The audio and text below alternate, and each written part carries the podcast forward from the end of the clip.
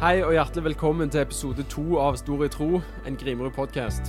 Denne uka har vi med oss Andreas Skjøndal. En helt rå mann, altså. Han er lærer, han er far. Han har vært ganske lenge i militæret, i spesialstyrken der. Og han er et stort forbilde for mange unge menn, så vi gleder oss til at dere skal få se hva han sitter inne med. Ja, Andreas er jo en person som har betydd veldig mye for veldig mange, meg inkludert. Og jeg husker det når han var min lærer på videregående, så utfordra han meg veldig på rett og slett måten han levde livet på, måten han snakka på og eh, bare var seg sjøl på. Så utfordra jeg meg fordi jeg ser at han har en ting eh, med Gud og en relasjon med Gud som jeg òg ønsker. Med det så er det eh, et Dette er en veldig lang episode, to timer. Men han har veldig mye kunnskap og veldig mye visdom som vi er veldig gira på at akkurat dere skal få høre. Så ja, bare følg med og eh, spiss inn ørene på to gode timer med visdom og kunnskap, og så håper vi at dere sitter igjen oppmuntra til slutt. Vi bare sier kjør episode.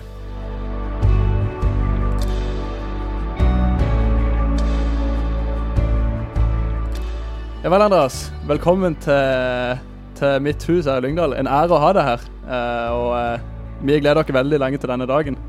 For å intervjue Andreas Kjøndal, vårt sto alle store forbilde. Det er jo bare Det er en glede. Altså, Du har jo vært både læreren til meg og Endre på noen punkt eh, på videregående. Så Det har jo vært en ære. Ja, jeg vet ikke, det har i hvert fall vært en ære for oss. Og vi har jo Erik med oss bak kamera her. Han, eh, vi er alle et produkt av din lærdom, så det er jo Ja, som sagt, en ære å ha deg her. Og eh, velkommen igjen. Takk for det. Veldig kjekt at dere tok kontakt og hadde lyst til å prate litt. Det er veldig hyggelig. Det er hyggelig å se dere uansett, så hvis jeg må ta en podkast for å se dere, så er det greit, det. det er verdt det, det. Det er godt. Men jeg gleder meg sjukt til å høre din historie og mer av hva Gud har gjort i, i ditt liv. Det, hver gang jeg har hørt deg, og liksom når du har fortalt fra ditt liv, så det berører. Eh, så jeg gleder meg igjen til å, til å få se enda mer av hva som ligger der. da. Det blir bra. Vi har jo sett en andre som har vært eh, mye rundt og reist òg for tida, og talt og eh, tatt store steg. Du har jo starta krigene og alt mulig. og ja, jeg tror folk flest er godt av å høre disse tingene. Så igjen, det, jeg gleder meg sjøl til å bare høre enda dypere. og Ikke hørt så mye av hvordan det var egentlig før KVS og den tida der. Du var jo militær og disse tingene. Så ja, kan ikke du egentlig bare takke med fra starten, og så ser vi hvor det går? Det kan jeg, vet du. Eh, når man ser tilbake, så ser man jo veldig sånn Det er veldig fint å se hvordan Gud har trukket i tråder gjennom livet. Så det er jo veldig kjekt for meg å se tilbake òg. Og det er jo det er noe vi bør gjøre alle. Se tilbake, takke Gud og, og hva han har gjort i livet, liksom. Eh, for hvis du ser det Ofte så ser du Guds finger i bakspeilet mye tydeligere enn du ser den framover, på en måte. Og det er jo det å ta med seg det han har gjort før, og så ta det med i tro framover. Det er jo det som er trikset, ikke sant. Ja.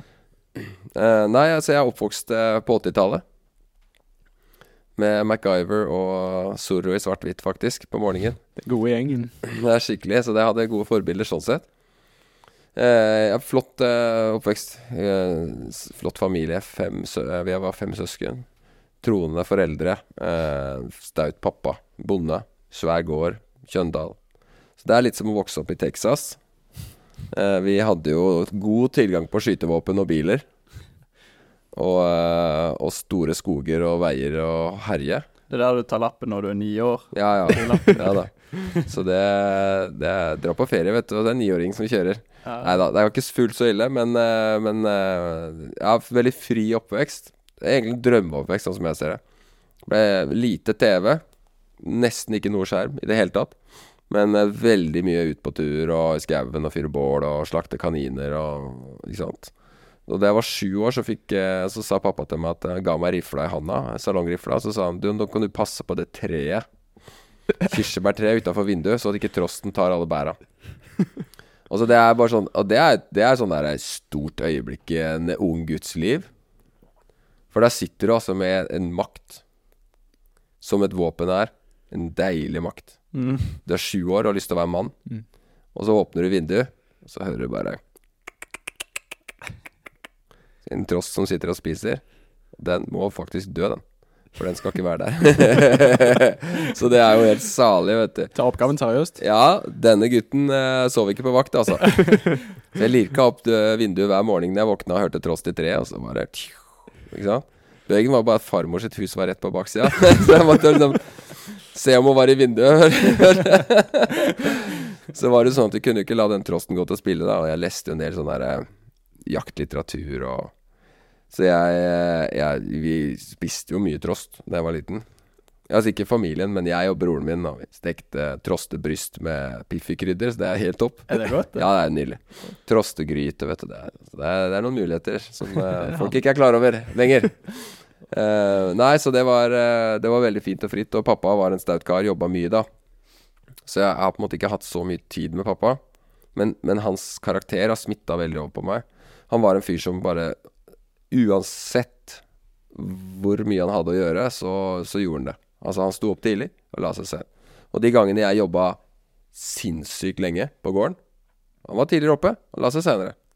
Sånn i ettertid så er det nesten som det var konkurranse, tror jeg.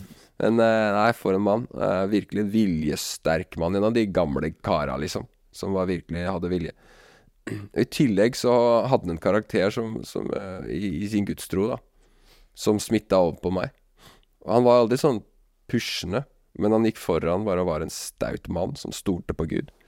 Og det er bare sånn Det er jeg takknemlig for. Eh, så han kunne, han kunne på en søndag Altså, det er meldt han har, sant, På gården så hadde vi masse jorder og sånn, og kutta gresset. Og så Det kunne pissregne på søndag. Eller det var helt regn på søndag natt til mandag. Og gresset ble kutta.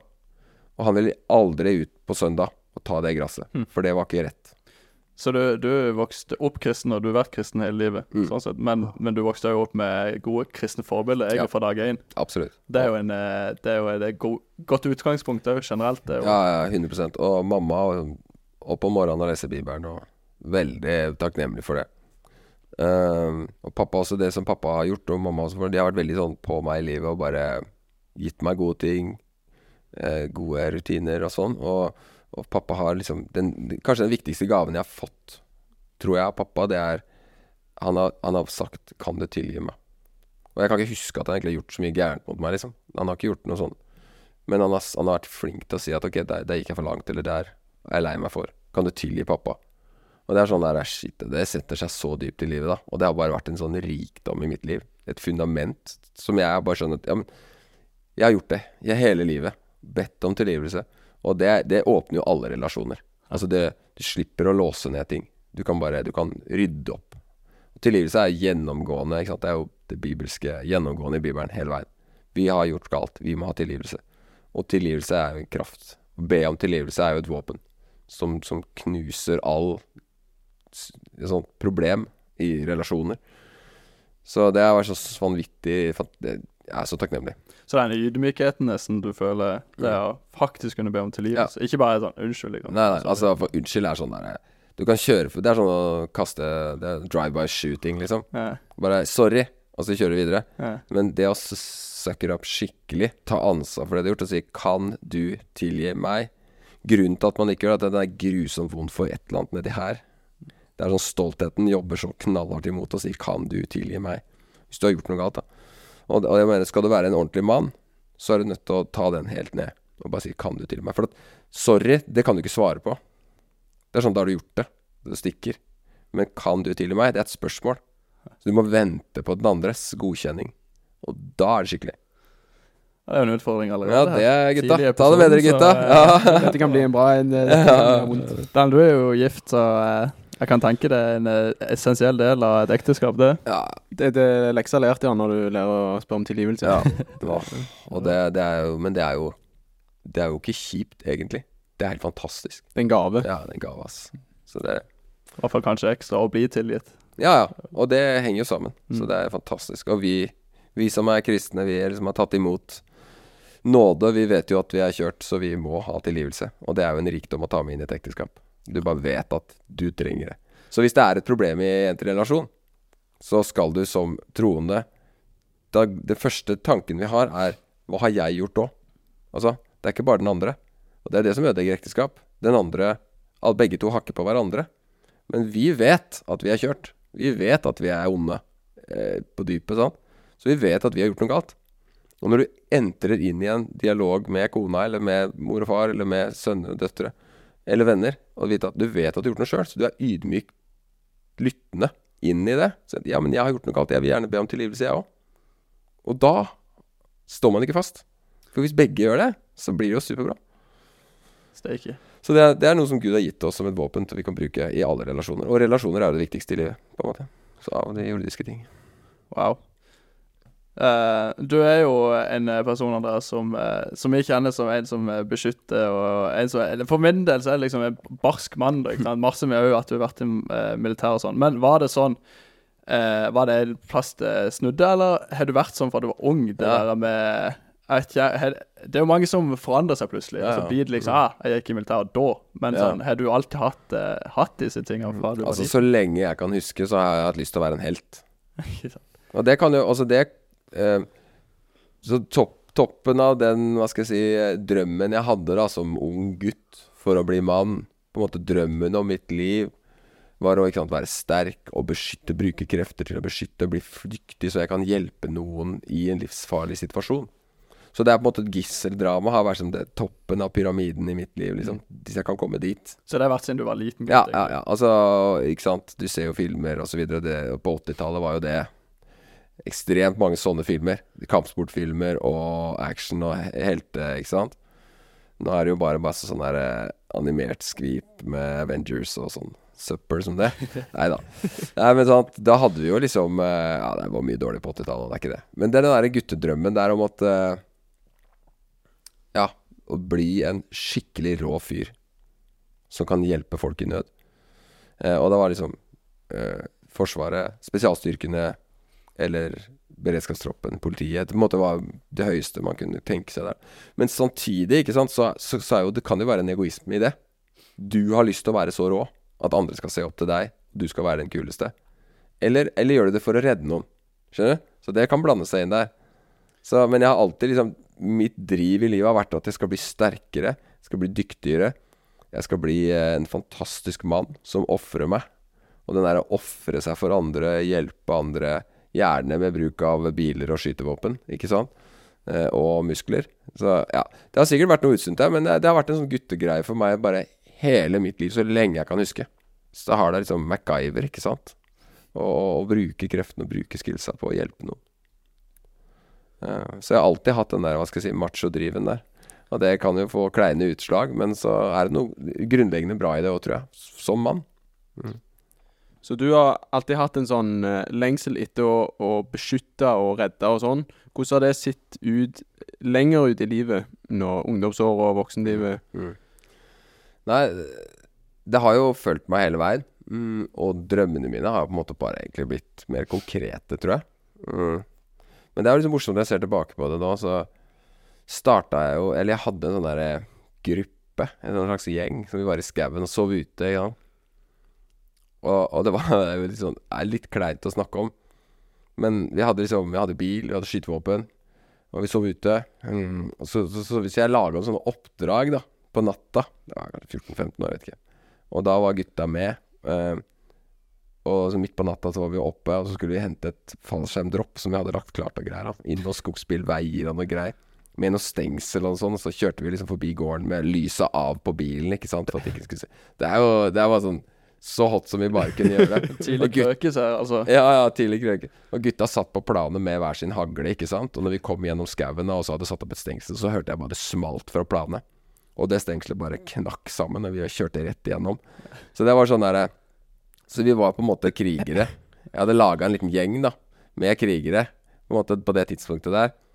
Og så øh, rart som det kan høres ut men så dødelig fett som det var da, da. Det var helt sinnssykt rått. Og jeg bare følte meg så heldig. Kjempespennende. Jeg var leder for en gjeng med krigere, liksom. Og så ser jeg nå, da, og det kommer vi til å snakke om seinere i dag, men, men liksom dette med Nå har jeg jo en gruppe som vi kaller for krigerne. Og, og det, det, Når Gud har en plan med livet ditt, og jeg kjenner det med krigerne, har på en måte vært Det er der jeg har opplevd mest flyt hele mitt liv. Når jeg står der og underviser og hjelper folk, eh, så kjenner jeg bare at Ok, det er dette jeg er skapt til. Og det er så deilig når du kjenner at Å, her er jeg hakk. Og det har jeg kjent flere ganger i livet. At jeg, men ja, nå kjenner jeg at nå er jeg hakk. Men, men aldri så mye som det. For det flyter så igjen Altså alt i mitt liv. Når jeg ser tilbake, så ser jeg på en måte bare at strømmen går denne veien. Alle ting har falt på plass da, inn mot dette. Og når Gud kaller deg til noe sånt, å starte en sånn gruppe Og det, vi, ikke, vi driver jo ikke og skyter med våpen eller slåss eller kjører bil eller hva. Eh, selv om det hadde sikkert vært gøy, det òg. Men, eh, men det er på en måte en gisselredningsaksjon vi driver med. Mm. Å redde folk. For at hvis du er i beredskapstroppen, da Kanskje du får ett oppdrag i løpet av livet der du kanskje faktisk redder et gissel, eller hva. Uh, så vil jo det ta noen år, og så vil det gisselet dø. Og så har du, har du gjort det for den personen, ja, så vi, til, til en viss grad, men du har kanskje gjort det for din egen æres skyld òg. Men her kan vi faktisk redde folk for resten av evighetene. Og det er jo en gisselsituasjon vi er her i. Og Jesus kom jo liksom undercover ned på jorda. Ikke sant, Bak fiendens linjer.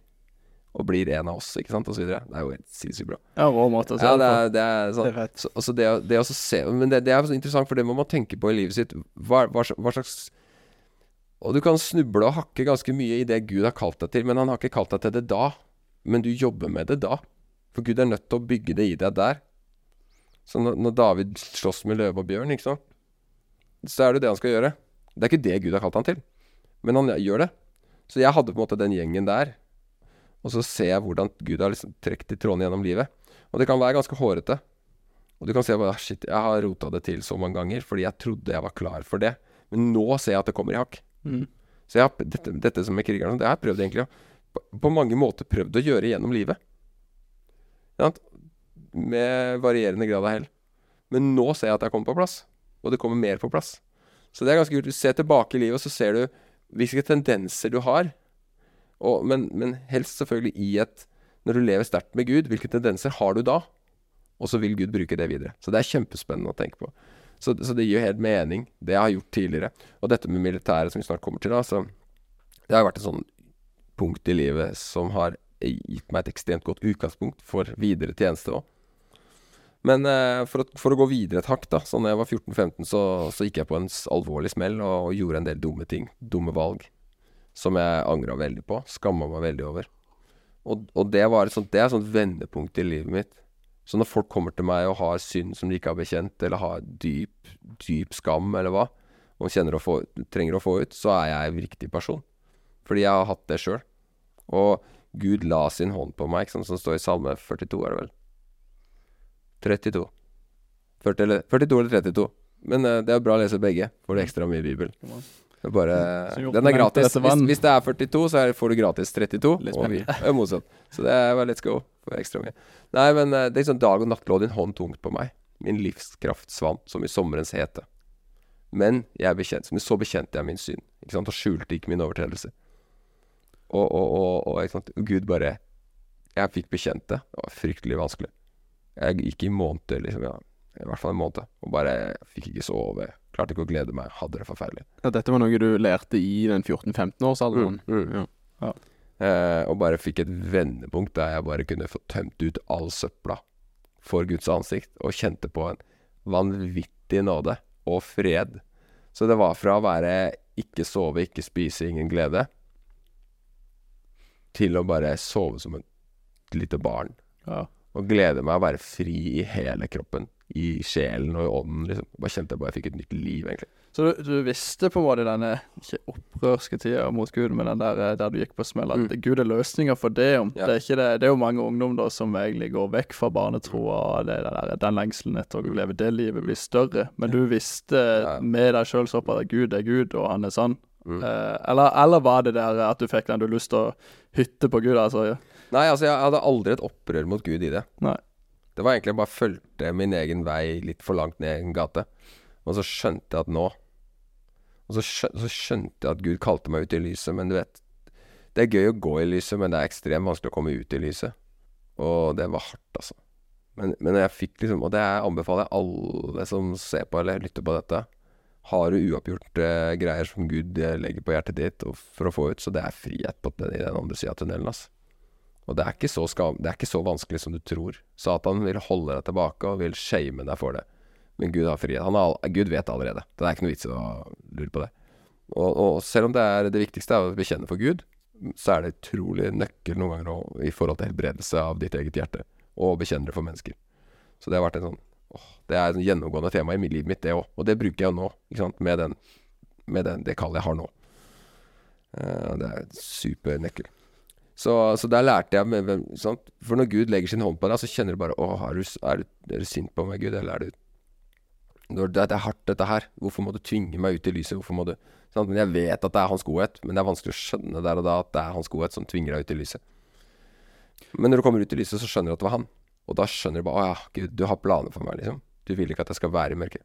Det er litt sånn det der eh, synet på synd, for eksempel. Hva er synd, og hva er problemet med synd? Det er jo Jeg, jeg kunne jo ofte tenke på det sånn «Ja, Gud vil ikke at jeg skal ha det gøy, nesten. Gud ønsker ikke at jeg skal leve det gøye liv, på en måte jorda her tilby. Men jeg vet ikke om det var du som fortalte dette, eller om det var det mange, Men det var når jeg gikk på KVS sjøl. Ja. Eh, og det er den der eh, Se for deg en mor som gir grovbrød. Det er ikke pga. hun ikke vil at du skal spise loff eller spise noe godt, men det er pga. hun vil at du skal vokse. Mm. Og det er kanskje ikke like gøy å spise grovbrød, Mm. men jeg vet ikke, jeg, jeg hører jo igjen denne historien. ja, ja, at ja. eh, Akkurat 100% han vil tvinge deg ut i lyset, ikke fordi det er så blendende, men fordi det er der det er godt. Ja. Han. Vil, han vil det gode, men vi vil det midlertidig gode. Eller behagelig. Vi vil det behagelig på kort sikt, mens Gud vil det langsiktige, fantastiske. Og det ser vi jo, det er jo det evigheten handler om òg, ikke sant. Mm. Han vil det, altså han vil det langsiktige. Og, og det vil vi òg, egentlig. Men vi er så utrolig sånn korttenkte mange ganger. Vi vil ha digg nå. Og det er jo det som fører oss ut i så mange ting, og så blir det en skam, og så blir det en dårlig spiral, og så kommer Satan og bare frister oss til å gjøre ting. Og så, og så er jo vi helt klart med på laget. Og så shamer han oss etterpå, og så er vi med på det òg. Mm. Og så står Gud der bare Ja, men jeg har frihet for deg.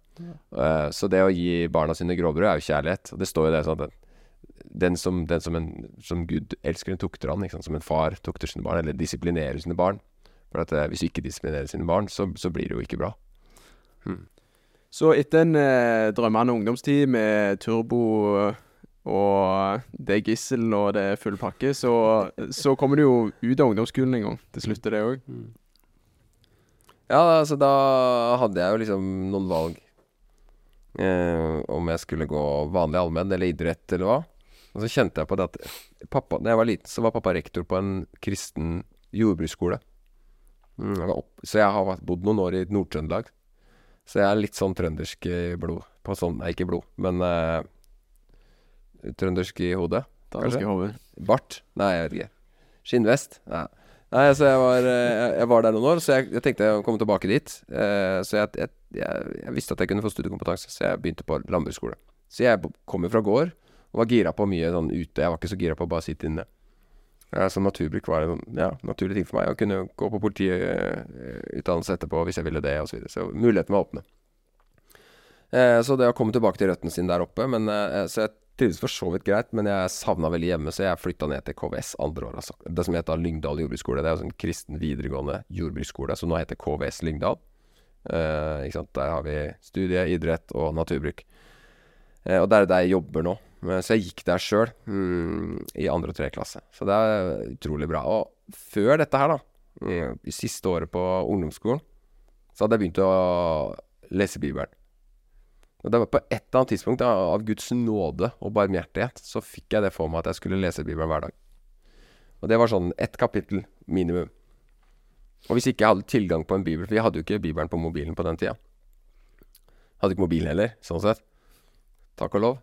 Eh, så, så hvis jeg ikke hadde tilgang, så måtte jeg i hvert fall finne et vers som jeg kunne lese. Så jeg, var- jeg, var så, jeg var så innmari satt på det. Jeg skal være en mann som leser Bibelen. Dette var jo en, eh, dette var jo en kristen videregående skole på den tida òg, Mm. sånn sett. Men var det den der disippelgjøringa, fokuset, var det torsdagsmøte? Sånn som nå er det jo bibelgruppe bibelgrupper og torsdagsmøte og alt mulig eh, disse tingene. Så det var jo en nokså tydelig skole og sånn. Men uh, altså, det er jo et helt annet gir vi ser nå. Og, da var det noen få på møtet. Nå er det jo nesten hele skolen, ikke sant. Så det er veldig forskjellig. Det kan vi også komme tilbake til, hvordan det er nå. Men, men eh, det var bra. eh, eller det var greit, liksom. Eh, men, men det var ikke det fokuset. Og det var ikke den lengselen eh, og sulten som det er nå. Eh, og vi hadde ikke sett Gud gjøre så mye da som vi har sett nå. Men i hvert fall så Så jeg hadde begynt med å lese Bibelen hver dag på ungdomsskolen, og så dro jeg det med meg da videre. Og det har jeg gjort helt til nå. Så det er jo la oss Hvor mye er det? 6-27 år? Nei, ja, det er i hvert fall lenge. Jeg er dårlig til å regne på direkten. Men ja. Du er, jo, du er jo litt kjent for uh, noe vi kaller bibel og pushups. Ja. Er det noe som start Var det pushups òg da, ja, bak ja, i den Det tida? var faktisk det. Det er egentlig Det skal krediteres min lillebror. For jeg kom opp uh, i gang Vi hadde to forskjellige rom hjemme på gården. Mm, og så kom jeg opp i gangen, så hører jeg han driver og holder på med et eller annet inne på rommet. Og kommer inn, og så driver han og tar pushups. Og når lillebroren din har begynt med pushups eh, og situps hver dag, så, så er det sånn Ok, men det kan vi ikke la gå hen. Da må vi steppe opp sjøl. Så det var faktisk etter det så begynte jeg å ta pushups hver eneste dag.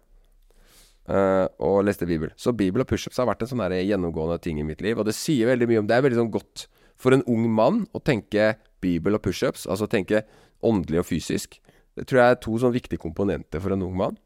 Uh, for det I vårt samfunn så er ikke styrke, fysisk styrke så viktig som det kanskje har vært. da men det kommer tider der det kanskje blir viktigere igjen. Og det er et eller annet som vi er skapt til. da Bli sterke og beskytte Kan ikke beskytte hvis ikke du er sterk, på en måte. Så det er et eller annet med den selvtilliten og den, eh, den Og det kan være mange måter å være sterk på. Altså Det er jo virkelig viktig å si. Fysisk styrke er jo Kan en gorilla være, liksom. Men det finnes mange typer styrke og mange typer krefter da du kan utvikle gjennom livet. Men jeg tror det er viktig for en mann. Utvikle kraft og makt og styrke. Eh, og det var en av mine ting. Så når jeg kom uh, til KVS etter hvert, så, så hadde jeg jo inn, innbarka vaner som, som lå helt inn i kjernen på meg. Så det hendte faktisk at jeg var sant, hos venner, eller ikke, ikke hadde en bibel med meg, og sov, sov over hos folk, eller måtte hjemme. Da er jeg bare Oi, jeg må lese Bibelen nå, for jeg har ikke lest i dag. Så jeg var sånn Å, shit. Så jeg gikk rundt i bokseren i huset liksom, for å finne Det har jeg flere eksempler på at jeg gjorde. For å finne et bok, i hvert fall i det minste. Hvis ikke jeg fant en bibel, så fant jeg en bok med et bibelsitat eller noe sånt ned den gata der. Så jeg, jeg brukte tid på kvelden rundt i fremmede huset, egentlig, hva. Eh, der jeg ville ha Jeg måtte ha bibel. Det er et godt utgangspunkt i, i den alderen der. Mm. Meg og broren min pleier å si at eh, eh, Bibelen er jo en eh, bruksanvisning for livet, egentlig. Mm, mm. Og jo fortere du finner bruksanvisninger, jo, jo bedre blir den eh. Ikea-møbelet satt Ja. sammen. på en. Så er det ikke masse skruer igjen til overs, Nei. liksom. Ja, så det, det har vært sånn Å, jeg er så takknemlig til Gud for det. det er altså, alt dette her er liksom Gud har lagt ned i meg en del ting som jeg kikker på. Jakt, skyt Altså gisseldrama. Alt det der krigergreiene og alt det der. Kjenner på at det er noe som er naturlig jeg, jeg driver i meg. Og så legger jeg ned i meg Bibel. Og så legger jeg ned i meg trening. Og så har det vært det bare had, Jeg hadde ikke vært der jeg er nå uten Bibel og pushups. Og så hvis du lærer en unge veien skal gå, så viker han ikke fra det når, når han blir gammel, ikke sant. Og, og hvis Gud har et kall over livet vårt, og hvis vi er noenlunde innstilt på det, så, har så kommer vi til å få disse her gjennom livet, da, som, som leder oss til det vi skal. Eh, så det var sånn åh, Jeg er så takknemlig til Gud for at han Det kunne vært en hvilken som helst annen vane. Og Gud hjelpe oss. Det kan være og, sånt. Det er mange som har dårlige vaner nå. Og sånt. Gå på porno hver dag isteden. Men isteden så leste jeg et kapittel i Bibelen. Og, og takk Gud for det. Jeg kan ikke ta kred for det sjøl, for at du er 14 og aner ikke noe om livet. Og er egentlig bare en uh, løk. Sånn. Men uh, løk med potensial. uh, så nei, så det er supertakknemlig. Så, så gjennom disse åra, gjennom videregående og sånn, så, så, så brukte jeg tid på Gud hver dag. Og jeg trente hver dag. Og eh, da når målet mitt var ikke sant, marinejeger og på en måte militærkarriere eller politikarriere, så lå jeg veldig godt an til det, da. Fordi at jeg hadde trent gjennom mange år. Eh, så jeg har regna litt på hvor mange pushups jeg har tatt i livet. Det er selvfølgelig grovt, grovt regna. Men det er et eller annet sted mellom 300 og 400 000 pushups. så det er bare sånn Ja, altså, det, er, det blir litt. Men det er det som er så fett med vaner. Du, får så mye gratis hvis du har gode vaner. Og det er jo, det er, vaner er en shortcut til et godt liv. For hvis du har dårlige vaner, så er det en shortcut til et dårlig liv. Men gode vaner er bare sånn Da så tenker du ikke på det, du bare må gjøre det. Jeg kjenner, husker jeg hadde lagt meg om kvelden så ah, det er noe feil. Det er noe feil. Kanskje jeg hadde lest. Men jeg hadde ikke tatt pushups. Det bare rulle seg ut av senga, ta pushups. Så begynte jeg med liksom 25 ganger 3. Jeg var, jeg, 20-25 var det jeg klarte. Og så endte jeg opp på 100 hver kveld, 120 pushups hver kveld i et strekk, liksom. Dunka inn 120 pushups, leste kapittel i Bibelen, og så gikk og la meg. Ja. Så det er bare sånn, sånn og, det, og du kom jo ikke dit over natta. Det tok jo flere år for meg å komme dit. Men, men det er jo vanvittig Jeg tenker så takknemlig du kan være. Så jeg husker jo ikke at jeg klarte å tenke klart på den tida engang. Men jeg gjorde det nå. Jeg gjorde dette. Så så enkle vaner altså, kan bare, bare åpne store dører i livet. Kan tenke deg? Men det, er, det du trenger i livet, det kan du ikke få over natta. Eller sånn I tilfelle må Gud Sånn som Josef, da. Han går jo fra på morgenen til å sitte i fangehullet og sitte der i årevis. Egentlig bare gjort, prøvd å gjøre det som er rett. Og så urettferdig. Kan du tenke deg så kjipt han har det. Han sånn, prøvde å være en god sønn hjemme, og så blir han solgt. Prøvde å gjøre det bra hos sitt sånn, livvakten til farao. Og og så blir han for, forført og klarer å stikke av. Og så kommer han i fengsel. Prøver han bare å gjøre det beste der. Sant? Og det kommer ikke over natta, den karakteren han bygger, og det Gud bygger i han. Men han gjør nå det rette. Prøver så godt han kan. Lever tett på, på Gud ikke sant? og tilber. Og så plutselig om morgenen så er han i fengsel. Og på kvelden så er han statsminister. Det kan Gud gjøre. Mm. Men, han kan ikke, altså, men tenk på alt det Josef har bygd, som gjør at Gud kan sette han der. Så ofte så har vi lyst på en sånn Josef-greie der Gud bare switcher ting. Det kan Gud gjøre lett. Men han kan ikke ta en karakter som ikke er ferdig danna, og bare sette i en maktposisjon der du blir farlig for deg, deg selv og andre. Så det er han der, Ok, Gud kan gjøre det, men hva, hva slags vaner har du som gjør at potensialet ditt til å bli brukt? For Gud kan ikke sette deg til noe der du ødelegger deg selv og andre. Eller hans navn og rykte. Eller. Og det har vi jo en mulighet til å gjøre uansett, når han setter oss i store posisjoner. Det ser vi mange eksempler på. Men et eller annet med den der, du må bygge den karakteren over tid. Og det tar tid. Du kan ikke bygge et hus på en dag. Altså, hvis, du setter, hvis du legger på én murstein hver dag, så ser det ikke ut som et hus. Og det er derfor folk ikke orker. For det er sånn, nei, men det ser ikke ut som et hus. Folk har lyst på instant, ikke sant? Men hvis du går der hver dag og legger en stein, så ta ti år, da. Eller hva? Så ser du oi, her er det blitt noe. Og vi må tørre å gå den runda der, da, med å la det gå tid. Se hva som kan bygges over tid. For det, vi glemmer ofte det i vårt samfunn. Vi skal ha middag nå. Vi skal ha uh, instant gratification i alle ledd, ikke sant. Og da orker vi ikke å bygge noe over tid. Og så, og så får vi sånn derre over natta sånt, fame, og så knuser det oss. For vi har ikke karakter til å stå i det. For vi har ikke bygd over tid. Vi leter jo på en måte Eller vi ser jo de som er suksessfulle, da, som Mm. vi tenker er det. Mm. Og så tenker vi å, hva kan jeg gjøre for å få det Mm. fortest mulig? Ja. Men det vi ikke ser, er jo ok, De siste 15 åra så har de gjort dette ca. hver dag. Ja. Eh, og at det, det er noe som du lærte tidlig, da. Den her leksa egentlig med det å være consistent Ja. over lengre tid. At det, det liksom er nøkkelen til å Helt klart. vokse. Da. Ja, for eh, hvis du ikke er consistent over lengre tid Altså, det er det er et eller annet med det at Gud sier til israelsfolket Grunnen til at dere ikke kan klare dere i det nye lovede landet Jeg er ikke nok i det lovede landet, fordi jeg var ikke nok i ørkenen. Ja. Så du må være- gå i ørkenen og kjenne at Gud er nok. Da er du ekstremt sterk i alle ting. Paulus sier alt makter? Jeg har klart meg i fattigdom, jeg har klart meg i rikdom. Jeg blåser i det. Fattig eller rik, samme det. Fordi jeg har Jesus, ikke sant. Så alt makter er han som gjør meg sterk. Så hvis, hvis Gud er liksom senterpunktet ditt, så kan livet gå opp og ned. Men før han er det, så vil du være en, en du, ikke sant? I, det er en av profetene, så står det Jeremia er det. Så står det om et tre som, er, som står i ørkenen, eller som står sånn. Og så kommer regnet, og så går det bra. Og så kommer tørke, og så går det dårlig. Sånn? Det er sånn man ofte lever. Man har lyst på masse regn sånn at det, og sol, sånn at det kan bli skikkelig bra. Og så kommer tørka, og så har du ikke bygd det fundamentet, da. Men så står det i Salme 1 så står det om et tre som er planta ved rennende bekker. Ja. Det, det, er planta ved rennende bekker. Trøttene er dype, og du har tilgang på vann. Og før du kommer dit, da, så er det farlig å få gode dager. For at når det går dårlige dager, så har du bygd på sand, ikke sant? Eller du står i kan- Så så du, Gud vil at vi ikke skal være avhengig av omstendighetene, da, men at vi har noe dypere i oss som, som hele veien veller opp, da. Som kilde til, eh, til, til, til Som rennende vann, ikke sant. Og det er jo de som grunner på Herrens lov ja, dag og natt. Den som er planta ved ikke, ja, vekker, ikke lytter til synsråd, ikke står i spottersetet, ikke, nei, ikke går på de urettferdiges vei, ikke hører på synsråd, ikke sitter i spottersetet, men har sin lyst til- Herrens lov og grunner på Hans lov dag og natt. Han skal være lik et tre, plante ved rennebekker, gir sin fukt i sin tid, og bladene visner ikke. Slik er det ikke med det ugudelige. Han er som agner som svever med vinden. Så, vi, så Gud vil plante oss først, og det er det han gjør med Josef. Han planter den, så nå står du fast.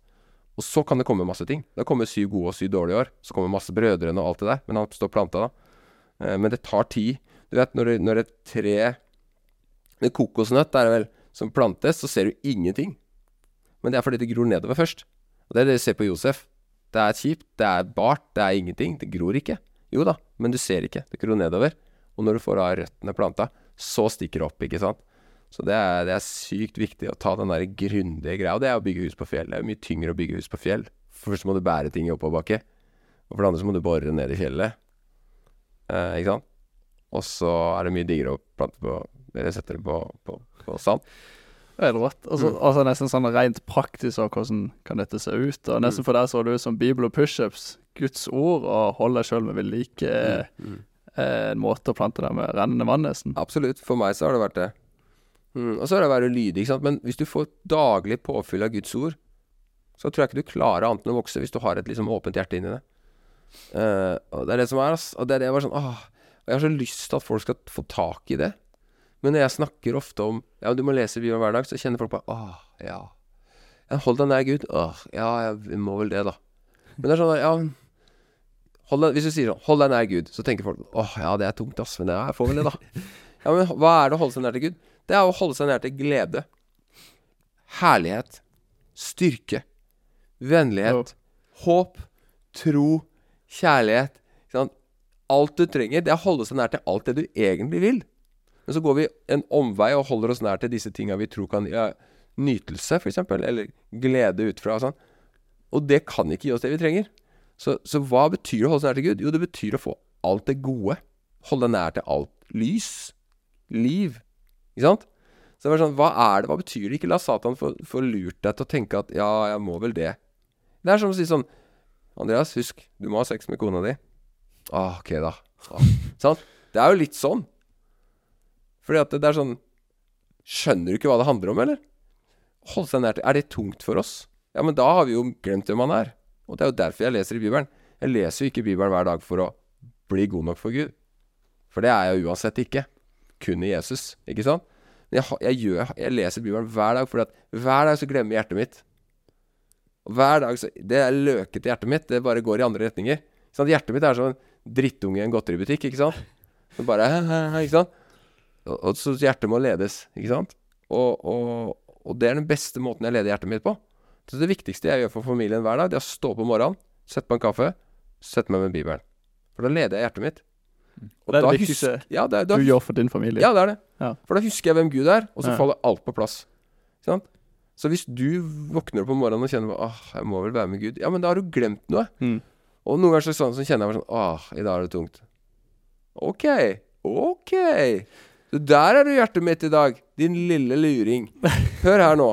Sett deg ned, hold kjeft, nå skal jeg fortelle deg hvem Jesus er. sant? Ja, men det er, sånn, det er sånn vi må, tvinge hjertet vårt ikke sant? inn i det riktige. Og så har han ikke sett på en lovsang, så kjenner jeg bare Åh, ja, ja, ja. ja Ikke sant, nå Ja, stemmer det. Stemmer det. Mm. Så kjenner jeg bare det liksom begynner å bryse litt. God sang som taler om liksom evangeliet, hva Gud har gjort, og hvordan han har liksom kommet ned fra herlighet til søla fordi han elsker meg. Og så kjenner jeg bare ah, hjertet mitt begynner å huske. Og så begynner jeg å lese og bla i Bibelen, så, så leser jeg ikke andre krønikebok, så leser jeg bare Ja, og så var det en konge etter Guds hjerte. Hiskia, for eksempel. Kong Hiskia bare Åh, og så ser jeg han gjorde han, han levde et liv etter Guds vilje. Han gjorde det som var godt i Herrens øyne. Så kjenner jeg bare Yes! Og så ser du hva slags Gud gjør gjennom hans liv. Redde folket fra krig og elendighet. Han taler til Skia, han får liksom Og så ser du bare sånn Ja, men det vil jeg, da. Og så bare husker jeg mer og mer. Til slutt så er jeg ferdig med bibelstunden min i bønn, og så bare kjenner jeg bare Wow. Sånn er Gud. Unnskyld at jeg glemte det i dag òg. Så det er sånn Ja, det er en nøkkel, da. Du må minne deg sjøl på hver dag hvem Gud er. Jeg lurer på om det er Martin Luther som sier det der at grunnen til at du må høre evangeliet hver dag, er at du glemmer det hver dag. Ikke sant? Ja. Så det er sånn åh. Så hvis folk kan bare få med seg det Minn deg selv på hvem Gud er, så får du alle de gode sirklene. Så står det jo i Salme 103 sånn Michel og Væren, eh, alt som jeg lov hans hele navn, eller hva? Og så står det eh, Glem ikke hans velgjerninger. Ja, det er jo eh jeg bare blir med på det der eh, det å gå til brønnen for å hente vann. Ja. Hvis familien skal ha vann på morgenen, så mm. er du jo faktisk nødt til å gå ja, til brønnen og hente den bøtta med vann. Ja, eh, ja, det er jo eh, Kan jo se for meg det er ikke alltid like gøy, og det er tungt, og det er sola steiger. Mm. Men man må faktisk hente den bøtta med vann mm. for å kunne gi vann sjøl. Så det, altså, du setter jo et interessant eh, kontekst her. Ja. Fordi For at du kan elske, så må du nesten bli elska først. For ja. at du kan gi, så må du gå Du må ta imot. Ja, ta imot, ja. Mm. Egentlig. Ja, så det, det, har vært sånn nøkkel i mitt liv, og, og jeg bare unner alle å se det. Uh, og du hadde, ikke, du hadde jo ikke vært der du er nå, hadde du ikke Eller hadde Gud vist deg de vanene så tidlig, og mm. du fikk dratt deg med inn i ungdomsåra og videregående og sånn. Jeg tror det, jeg tror det stemmer, det, altså. Så jeg er så takknemlig at Gud liksom på en eller annen måte fikk lurt meg inn i det hakket der. det er helt fantastisk. Så sitter jeg nå med liksom mange og 20 år med Bibel hver dag. Og det skal jeg søren meg være Det jeg dør, altså. Mm. Det er det gode liv. Mm. Ja, etter videregående, da? Hva, hvor jeg vei nå? Ja, altså da eh, var jeg først et halvt år hjemme. Jobba hjemme. Jobba på linjegods, faktisk. tok eh, Skjøt pist med pistol. Gikk på forskjellige typer på kampsport. To forskjellige. Jeg gikk på taekwondo og kickboksing. Eh, og pistolskyting. Og tok fallskjermlappen. Og dykka, dykkerlappen. Så det, ja, ja. Det er Så- fint halvår. Ja, så det var, det var Ja, jeg kan si litt om på en måte ja, målene mine. Men uh, det var et eller annet med at uh, jeg brukte den tida godt hjemme og tjente penger og så videre. Eh, og så et halvt år etterpå så tok jeg bibelskole på fjellet. Um, og i slutten av bibelskolen så sa jeg til Gud Ok, vis meg hva jeg skal. Eh, og da Det var et ekte oppriktig ønske om å gjøre det Gud vil. Og da hadde læreren min ehm, altså på, på den tida, da, ja, det må jeg si På den tida så hadde jeg begynt å liksom eh, dra på på ski. Jeg hadde alltid likt å stå på ski, stått Telemark i mange år og, og lært meg både forlengs og baklengs salto. Ikke sant? Ja, og, og den da siste I løpet av den perioden der så hadde jeg Så hadde jeg landa noen sånne 20 meter lange baklengssaltoer. Så det var helt sånn Det var helt Jeg var så gira. eh, og det var da jibbinga virkelig begynte. Den nye den new school eh, freestyle-greia med big jump osv. Så, videre. så det var jo kjempespennende. Eh, og jeg ville veldig gjerne ned den gata der. Og så, så når vi da var på besøk på Valdres folkeskole for å være på, eh, på snøletur så snakka jeg litt med de der, og der har de 70 skidager i året. Um, på den tida, i hvert fall. Og da tenkte jeg åh, åh, man, vært stipendiat der hadde vært topp. For det var jo mange av mine klassevenner som skulle liksom, bli stipper eller eh, miljøarbeidere eller. Ettåringer. Og så de, de ansatte som regel bare folk de kjente. Men så gikk bibelskolelæreren min god for meg der, da. Så, han, så der sa de ja, men vi er gira på deg, du kan komme og være stipp her. Så jeg så for meg bare ah, men sykt mye ski. Eh, men så kjente jeg at Gud begynte med å dra meg tilbake til KVS, da. Eller Lyngdal jordbruksskole, som det het da.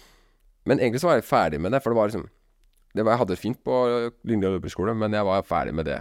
Ikke sant? Jeg hadde ikke noe egentlig interesse av tilbake der. Det var, nå er det jo et, et paradis med sinnssykt mye gøye aktiviteter og muligheter. Da hadde vi en gymsal som var omtrent som den stua her, ikke sant. Vi måtte ut for å drible, omtrent. Så, så vi hadde liksom ikke de mulighetene på den måten. Så jeg var egentlig ferdig med Så jeg skjønte ikke hvorfor jeg kjente at jeg begynte å lengte tilbake. Men i ettertidens lys så skjønner jeg bare at my Gud må ha kalt meg tilbake. Vil du ha 70 dager på ski, eller vil du være miljøarbeid på en liksom, skole som du egentlig er ferdig med? Helt grei skole. Ja. Ja, ja, altså, det var jo bra, det er ikke det. Jeg sier ikke noe stygt om men, men, men det er jo ikke det det var. Det var jo ikke det der nå. Nei. Eh, og for meg som hadde helt andre interesser Jeg skulle aldri bli bonde in the first place, liksom. Eh, selv om jeg kom fra gård. Ja, så det var liksom bare Jeg syntes det var rart at jeg lengtet tilbake. Så sa jeg til Gud ok, du må bestemme. Og så skjønte jeg bare mer mer at ja, men jeg skal til Lyngdal. Og så, og så kjente jeg bare eh, det er jo litt dumt, for jeg har lyst til å stå på ski. Mye mer enn at jeg har lyst tilbake hit. Det er jo ikke noe ski her, egentlig. Basically. Så kjente på det. Så sa jeg til Gud du må bestemme. Og så kom dagen da jeg måtte si fra, gi svar til Valdres folkehøgskole om jeg kunne dra dit, for de var gira. Og så kjente jeg bare ja, jeg tror jeg skal til Lyngdal. Og så ringte jeg til, til rektoren her, og så sier han du, dessverre, eh, vi får det ikke til. Og jeg satt på, liksom bare satt og tenkte bare sånn La fra meg mobilen og så bare Hæ, det var rart. For jeg var sikker på jeg skulle hit. For det gir ikke mening at jeg vil det så mye. Det var liksom en dypere lengsel etter å være her, som jeg ikke kunne forklare. Så sa jeg bare til Gud ok, jeg skjønner ikke dette, men sånn er det. Og jeg er jo gira på Valdres, så da ringte jeg de og bare ok, let's go. Jeg kommer. Og det var god stemning. Men jeg skjønte det ikke helt, for det var et eller annet som var rart. Og så ringer eh, rektoren her to timer etter og bare Hei, vi får det til allikevel. Kan du komme? Og da skjønte jeg at ja, det er det jeg skal. Så da hadde jeg ingen sorg når jeg ringte til Valdres og sa hei, er det mulig å beklage, ass, men nå Ja, blir ikke noe.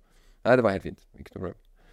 Så da kjente jeg bare sånn Det var sånn Jeg følte jeg ble litt finta ut, men jeg ga det til Gud. Ok, Gud, du bestemmer. Så det er jo et deilig sted å være da, i livet. Slipper å bære det sjøl. Eh, og så eh, kom jeg hit og var miljøarbeider, og da trente jeg meg, og det var det jeg skulle gå på ta marinejegeropptaket etterpå, eh, året etter, så da trente jeg mye. Og det var et ganske sterkt år, var mye som skjedde. Eh, ganske rotete år for min del. Jeg trente mye, men, men det var liksom Jeg sov til lunsj og sånt. og Miljøarbeiderlivet kan være litt sånn noen ganger. Det, det vet jo du. Jan. Selv om du ledde sikkert mye sterkere enn det jeg gjorde. Men, eh, men det skjedde en del. Vi hadde bønnemøter, og det var fint. Og jeg utvikla meg veldig sånn fysisk. Eh, og så dro jeg på marinejegeropptak, og det var en ordentlig smell, altså. For da møtte jeg jo bare utfordringer som jeg Jeg hadde drømt om, men ikke skjønte helt hva var før du står der. Før du står der naken, og de plukker vekk alle tinga dine. Du står, i, eh, står naken i fri hvil, pushup-stilling, eh, i eh, kvarter etter kvarter, ikke sant? Og bare rister og er kald og bare sånn, Nå, nå skjer det. Men eh, ja, det var jo tøffe dager, ass. Skikkelig tøffe dager. Så mye jeg kunne, så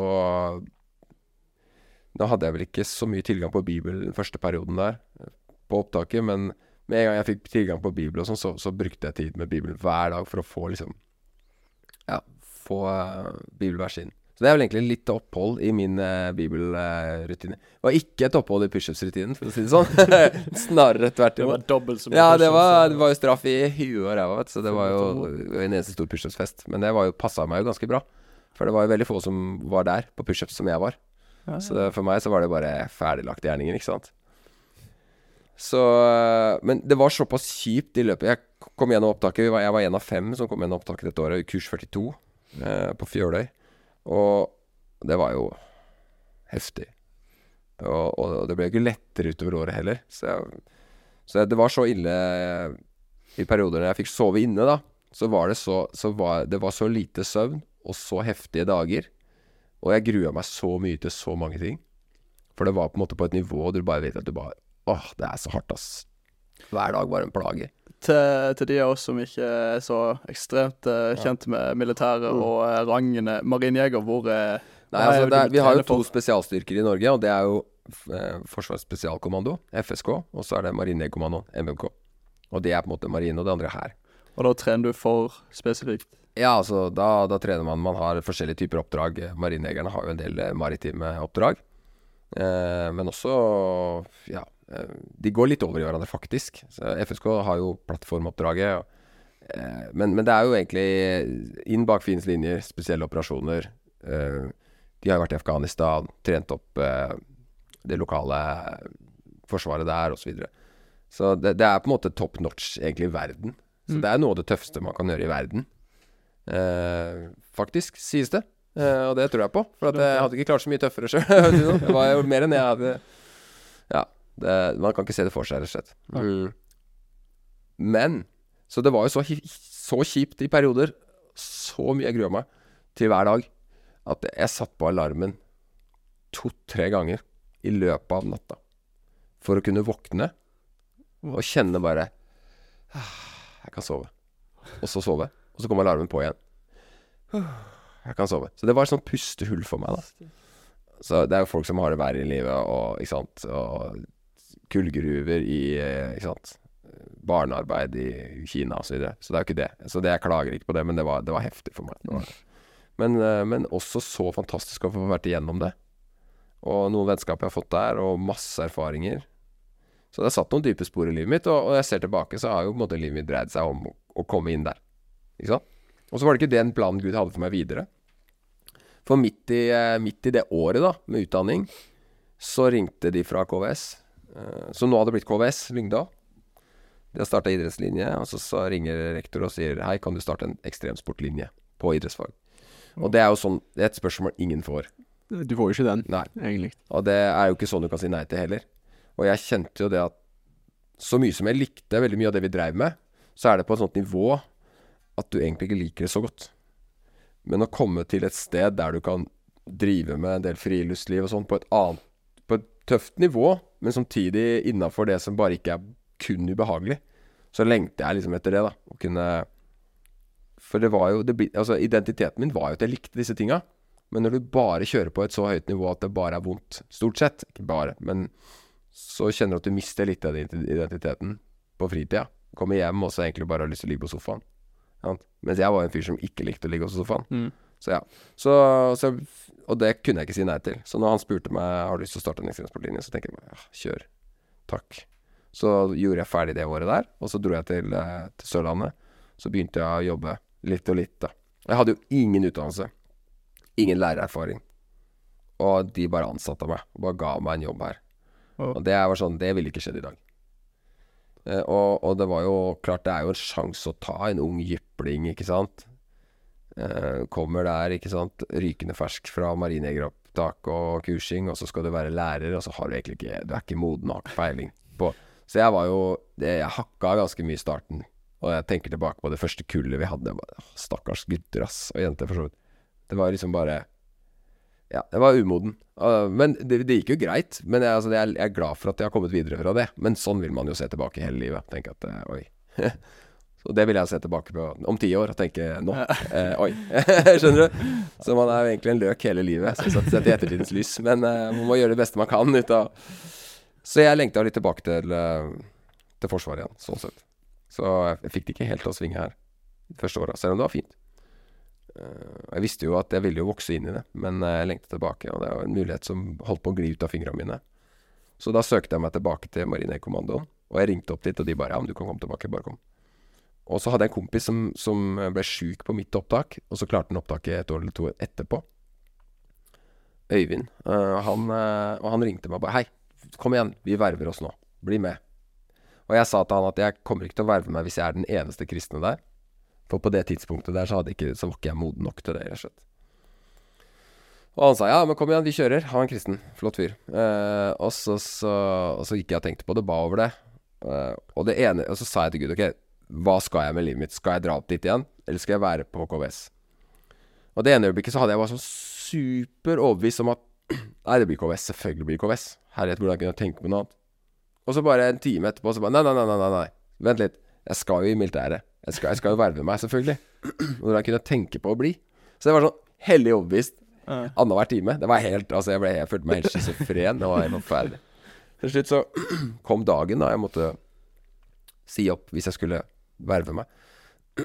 Og det var jo et hardt Det er hard ting å gjøre å si opp en sånn mulighet som den jobben er. Uh, og, så, og så sa jeg til Gud bare Jeg aner ikke hva Jeg har bedt om din vilje, og jeg aner ikke. Virkelig ikke. Helt ærlig så, jeg, så kan jeg si at jeg aner ikke hva jeg skal velge. Så jeg går for militæret nå.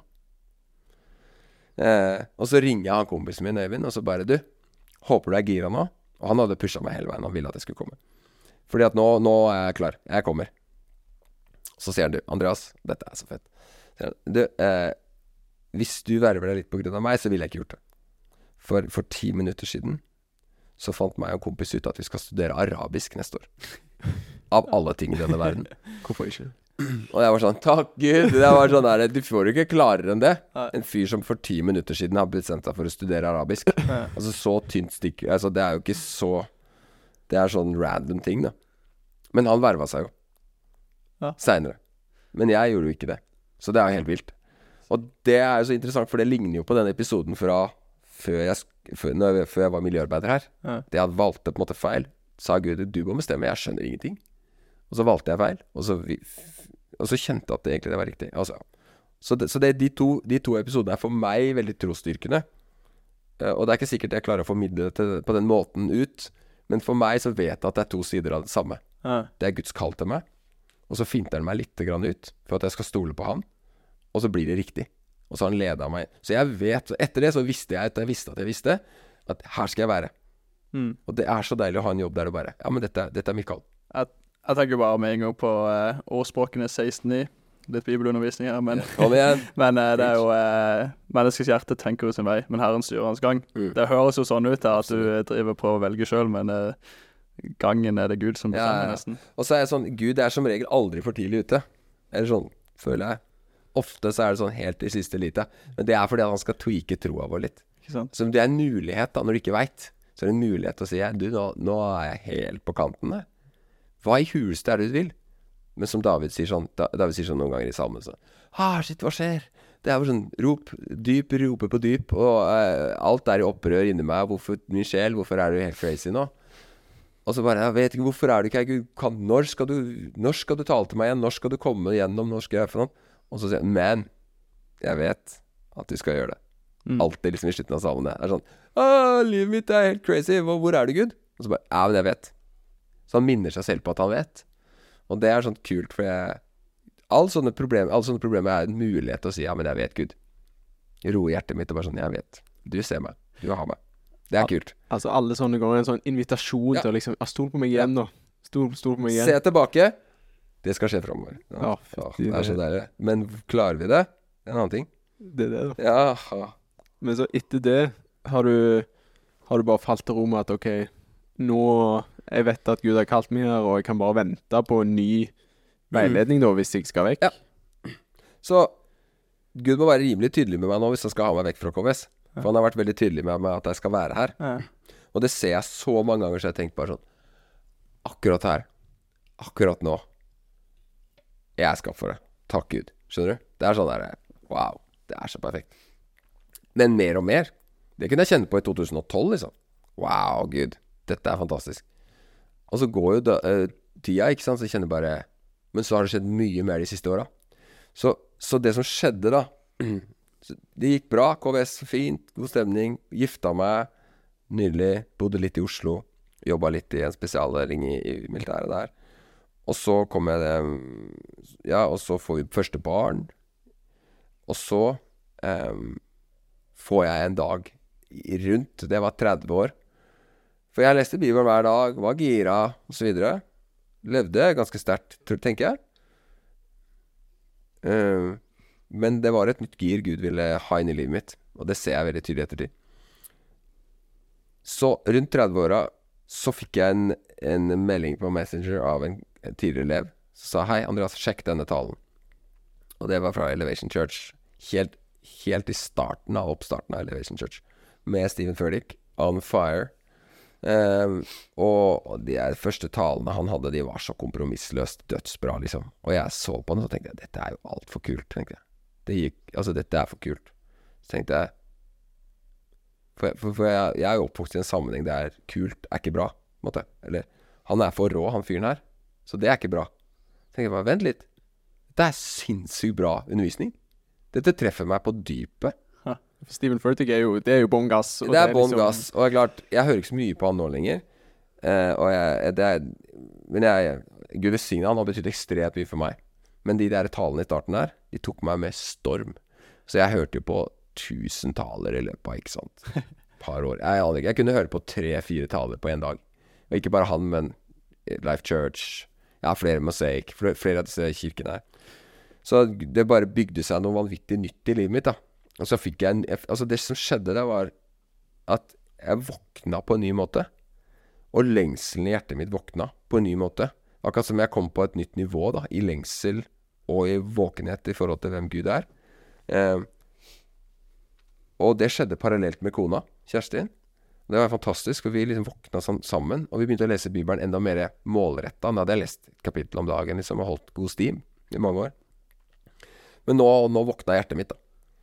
Og, og da skjedde det så mye. Jeg leste Matteusevangeliet på så fort jeg kunne, liksom. Over noen få dager. Og det bare jeg bare Wow! Man, dette har jeg lest mange ganger, men dette ble helt nytt for meg. Og, og eh, eh, var merka hvordan lengselen min våkna. Og så og så det som skjedde, da, det var jo et halvt år etter jeg begynte å våkne skikkelig.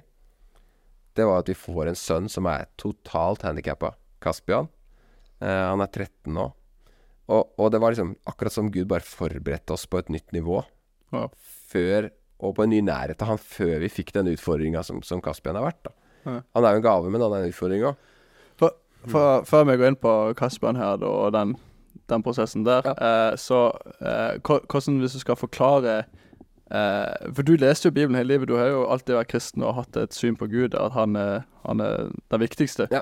Eh, hvordan rent praktisk sett så dette ut? Hva er det faktisk som forandrer seg? Er det en eh, brann? Er det Ja, skjønner du hva jeg mener? Ja, ja, ja. Mm. Det er et eller annet som Det er som om uh, Nå er jeg veldig glad i bål.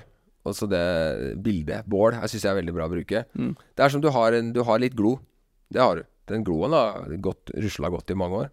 Men så er det akkurat som bare Gud tar noen flere kullbiter og setter sammen, så begynner det å blåse. Du kjenner bare åh, Det skjer noe i livet, da. Du kjenner hjertet bare Vanskelig å forklare. Det er litt som en, det er litt som en forelskelse, på en måte. Gud viste mer av seg selv, og så kjente jeg bare wow, Det er vakkert, ass. For en gud. Så det var en lengsel? ja, det er en lengsel. Det åpna seg en lengsel etter mer. Jeg ble mer tørst for jo mer jeg drakk, holdt jeg på å si. Mm. Ja. Altså, det høres jo feil ut, for at den som kommer til meg, skal sånn. Men sa de som tørste, for de skal sånn. Så, men, men ja, det er sånn det var, da. At det var bare Det åpna seg mer og mer en lengsel. Og en lengsel er så viktig. Og det sier jeg jo til elevene mine. Kunne ønske noen sa til meg, Andreas, du må lengte. Fordi at hvis ikke du lengter, så blir du fort en fariseer, på en måte. Fordi at du på en måte bare gjør going through the motions. Ikke sant? Bare gjør de riktige tinga. Og det er på en måte ikke nok i et ekteskap. Du kan ikke bare gjøre de riktige tinga. Det er viktig å gjøre de riktige tinga, men det er også viktig å lengte etter den andre. Elske den andre. Eh, så Gud vil ha sønner som elsker han, og døtre som elsker han. Ikke, ikke tjenere, bare, liksom. Mm. Slave. Så, så jeg skjønte mer at når jeg lengta Gud, Så Gud viser seg selv som I Bibelen så beskriver han seg selv som far. En god far. Den beste faren som er. Og brudgom. Og hvis du er en god far, så har du lyst til å rufse guttene dine i håret, ikke sant? Du har lyst til å ha, til å ha dem på fanget. Du har lyst til å ha jentene dine på fanget og snakke med dem. Og du har lyst på nærhet. Fysisk nærhet, egentlig. Mm. Og hvis du er en brudgom, så klarer du nesten ikke å holde liksom, Det er jo en kamp å holde fingra unna, hvis du skjønner. Så jeg, i, i og med at han bruker så intime uttrykk, så kjente jeg bare Ja, men det må da være Ja. mer enn det jeg har opplevd. Så det må være en berøring her. Det må jo være Gud lengter etter å At jeg skal kjenne han på ny, nye, dypere måter. Ikke bare sånn hodekunnskap men, og sånn litt hjertekunnskap, men virkelig bare ta, ta tak i hele meg. Og det skjønte jeg at ja, men det er det han vil. Og så var det jeg som ikke ville. Eller skjønte at jeg ville, eller hva? Skjønte at jeg ikke var gira på det. Det er et eller annet med når jeg åpner seg og bare viser seg mer, så bare skjønner du bare Å, men det er jeg som egentlig er problemet her. I forholdet. For han er klar. Han er jo brudgom. Han er jo far. Men hva slags sønn er jeg? Hva slags brud er jeg? Så det å begynne å lengte mer, så jo mer Og Gud elsker vår lengsel. Han elsker at vi lengter etter han, for han lengter etter oss. Og da blir det jo en lengsel mot en lengsel, det blir jo bare sterkere. Så det er jo en sånn flamme, ikke sant? Ja. Så det bare så jeg mer og mer, og Gud begynte å berøre meg. Så, så de siste 13 åra, siden jeg fikk Kaspian, siden Gud vekte oss opp igjen på nytt, så har jeg bare Gud har berørt meg noen ganger så heftig, rent, altså fysisk, og gjennom ord, og gjennom gaver, og gjennom bilder. Og bare sånn Det har bare skjedd så vanvittig mye de siste åra. Mhm. Og spesielt de siste fem åra. Så har Gud berørt meg så heftig at jeg er bare så takknemlig. Takk Gud, altså. Og han vil det. Han vil gjøre mer. Spørsmålet er om vi lengter. For, jeg, jeg snakker med folk, så spør jeg hvordan, hvordan har du det med Gud. Nei, det er stille. Å, stille, sier jeg. Ja, det er stille. Det skjer ingenting. Litt sånn skuffelse i, ikke sant, i stemmen. Ja, hva, søker du Gud, da? Ja, ja. Ja, jeg søker Gud. Ja, fint, sier jeg. Ja, hva gjør du da, liksom? Ja, hva mener du? Nei, ja, leser du? Nei. Ja, ber du? Nei, litt. Jeg hører på lovsang. Nei. Faster du? Hæ? Gir du tiende? Hm? Ja, men da søker jo virkelig ikke Gud. Vi tror vi søker Gud, vi. Men på autopilot så søker du ikke Gud, da. Ja. Du må på en måte Det er et eller annet med den frie viljen. Gud lengter etter vår kjærlighet. Ikke sant? Gud lengter etter vår lengsel. Så når vi søker Han med hjertet, da skjer det noe. Ja? Og hvis du søker Hvis du faktisk lengter etter Gud, hvis du lengter etter et gjennombrudd, hvis du lengter etter å kjenne Han, ja, da må du jo lese. Ja, men må jeg det? Ja, men jeg kan jo lengte Nei, men ja, men du kommer til å gjøre det hvis du lengter. Han har åpenbart seg i sitt ord. Så hvis du faktisk lengter etter kona, så leser du kjærlighetsbrevene fra henne. Du kan si at du lengter etter kona, men hvis du ikke gidder å bla i kjærlighetsbrevene, så lengter du egentlig ikke etter det. Da lengter du etter det egentlig bare et kyss, eller hva? Litt kos, eller hva? Men sant? Og det er det veldig mange gjør. De lengter etter Gud på en sånn måte at han skal kile på ryggen under lovsang. Og så går de ut, og så bare Nei, ikke bry deg om pengene mine, liksom. Og det er jo egentlig å bruke Gud. Misbruke Gud, på en måte. Det, det er jo Skal, være helt, skal vi ta den helt ut, så er det nesten som å bruke Gud som en prostituert. Du har lyst på kosing, og så går du ut, og så bare Hei, stikk. Ikke bry deg om tida mi. Ikke bry deg om pengene mine. Ikke bland deg opp i moralen min. Det er jo sånn man gjør med en hore. Skjønner du? Og det er forferdelig. Tenk på det. Eller kelner, for å bruke et kanskje litt mildere bilde. Det var sånn Ja, eh, hei, kelner. Kom her. Hva har du Hei, flue i suppa, liksom. Kommer til Gud med suppe med flue, ikke sant? Bare hei, hva, hva er dette for noe? Og så er det sånn en sånn hovmodighet overfor Gud. Isteden skal det være en lengsel og en, og en underkastelse, ikke sant? I kjærlighet. Altså, det er, jo, det, er jo så, det er jo så opp ned. Altså, en Mm. gud som er Han er skapt dere, Mm. og egentlig lar dere oppføre dere på den måten, Ja. egentlig. Det, det er jo noe vi ikke eh, catcher, egentlig. Mm, Og mm. Gud hjelper meg å catche Ja. hvem du er. Ja. Det er jo eh, vi, vi trenger å se faktisk hvem han er for å skjønne Oi, det, Det er ikke meg som skal sette premissene, det er jo du. Amen. Skal jeg følge deg, da. Ja, ja. Egentlig. Det er jo ikke et godt kristenliv å drive og sette premissene for Gud. Det er jo ja. Det er jo bare helt, helt forferdelig. Og tenk så tålmodig Gud er med oss. Sant? Og så, og så lar han oss holde på sånn. Og så viser han seg mer og mer i sin nåde og tilgir oss. Og så får vi se hvem han er, og så bare Oi, Gud. Jeg har behandla deg helt feil. Jeg har vært hovmodig.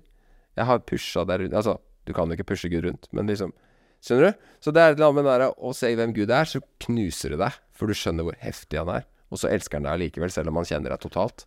Og så har han blødd deg ublødd ut for deg. Og så bare, når du skjønner det, så bare wow. Da har du lyst til å legge deg helt flat. Du lengter etter å kaste din egen krone vekk mot han. Og du lengter etter å ligge flat. Og du lengter etter å gjøre hans vilje. Fordi at du har Ingen har elska deg så hardt. Og ingen har kjent deg så dypt. Og ingen har tilgitt deg så mye. Ikke sant? Den som er tilgitt mye, elsker mye. Ja, så det er noen hemmeligheter her, da. Eh, så den lengselen er superviktig. Og du søker ikke Gud på autopilot. Det er noe du må, du må gjøre, rett og slett, med viljen din også. Eh, så skal skal elske Gud av hele din sjel, hele din kraft, all din forstand. Ikke sant?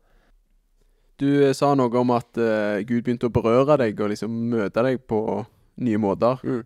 Ja, kan du snakke mer om det? Ja. s- som sagt, da, så tenkte jeg at Gud måtte jo ha mer for meg enn bare at jeg skulle ha liksom, kunnskap og en viss kjennskap. At han ville gå dypere, da.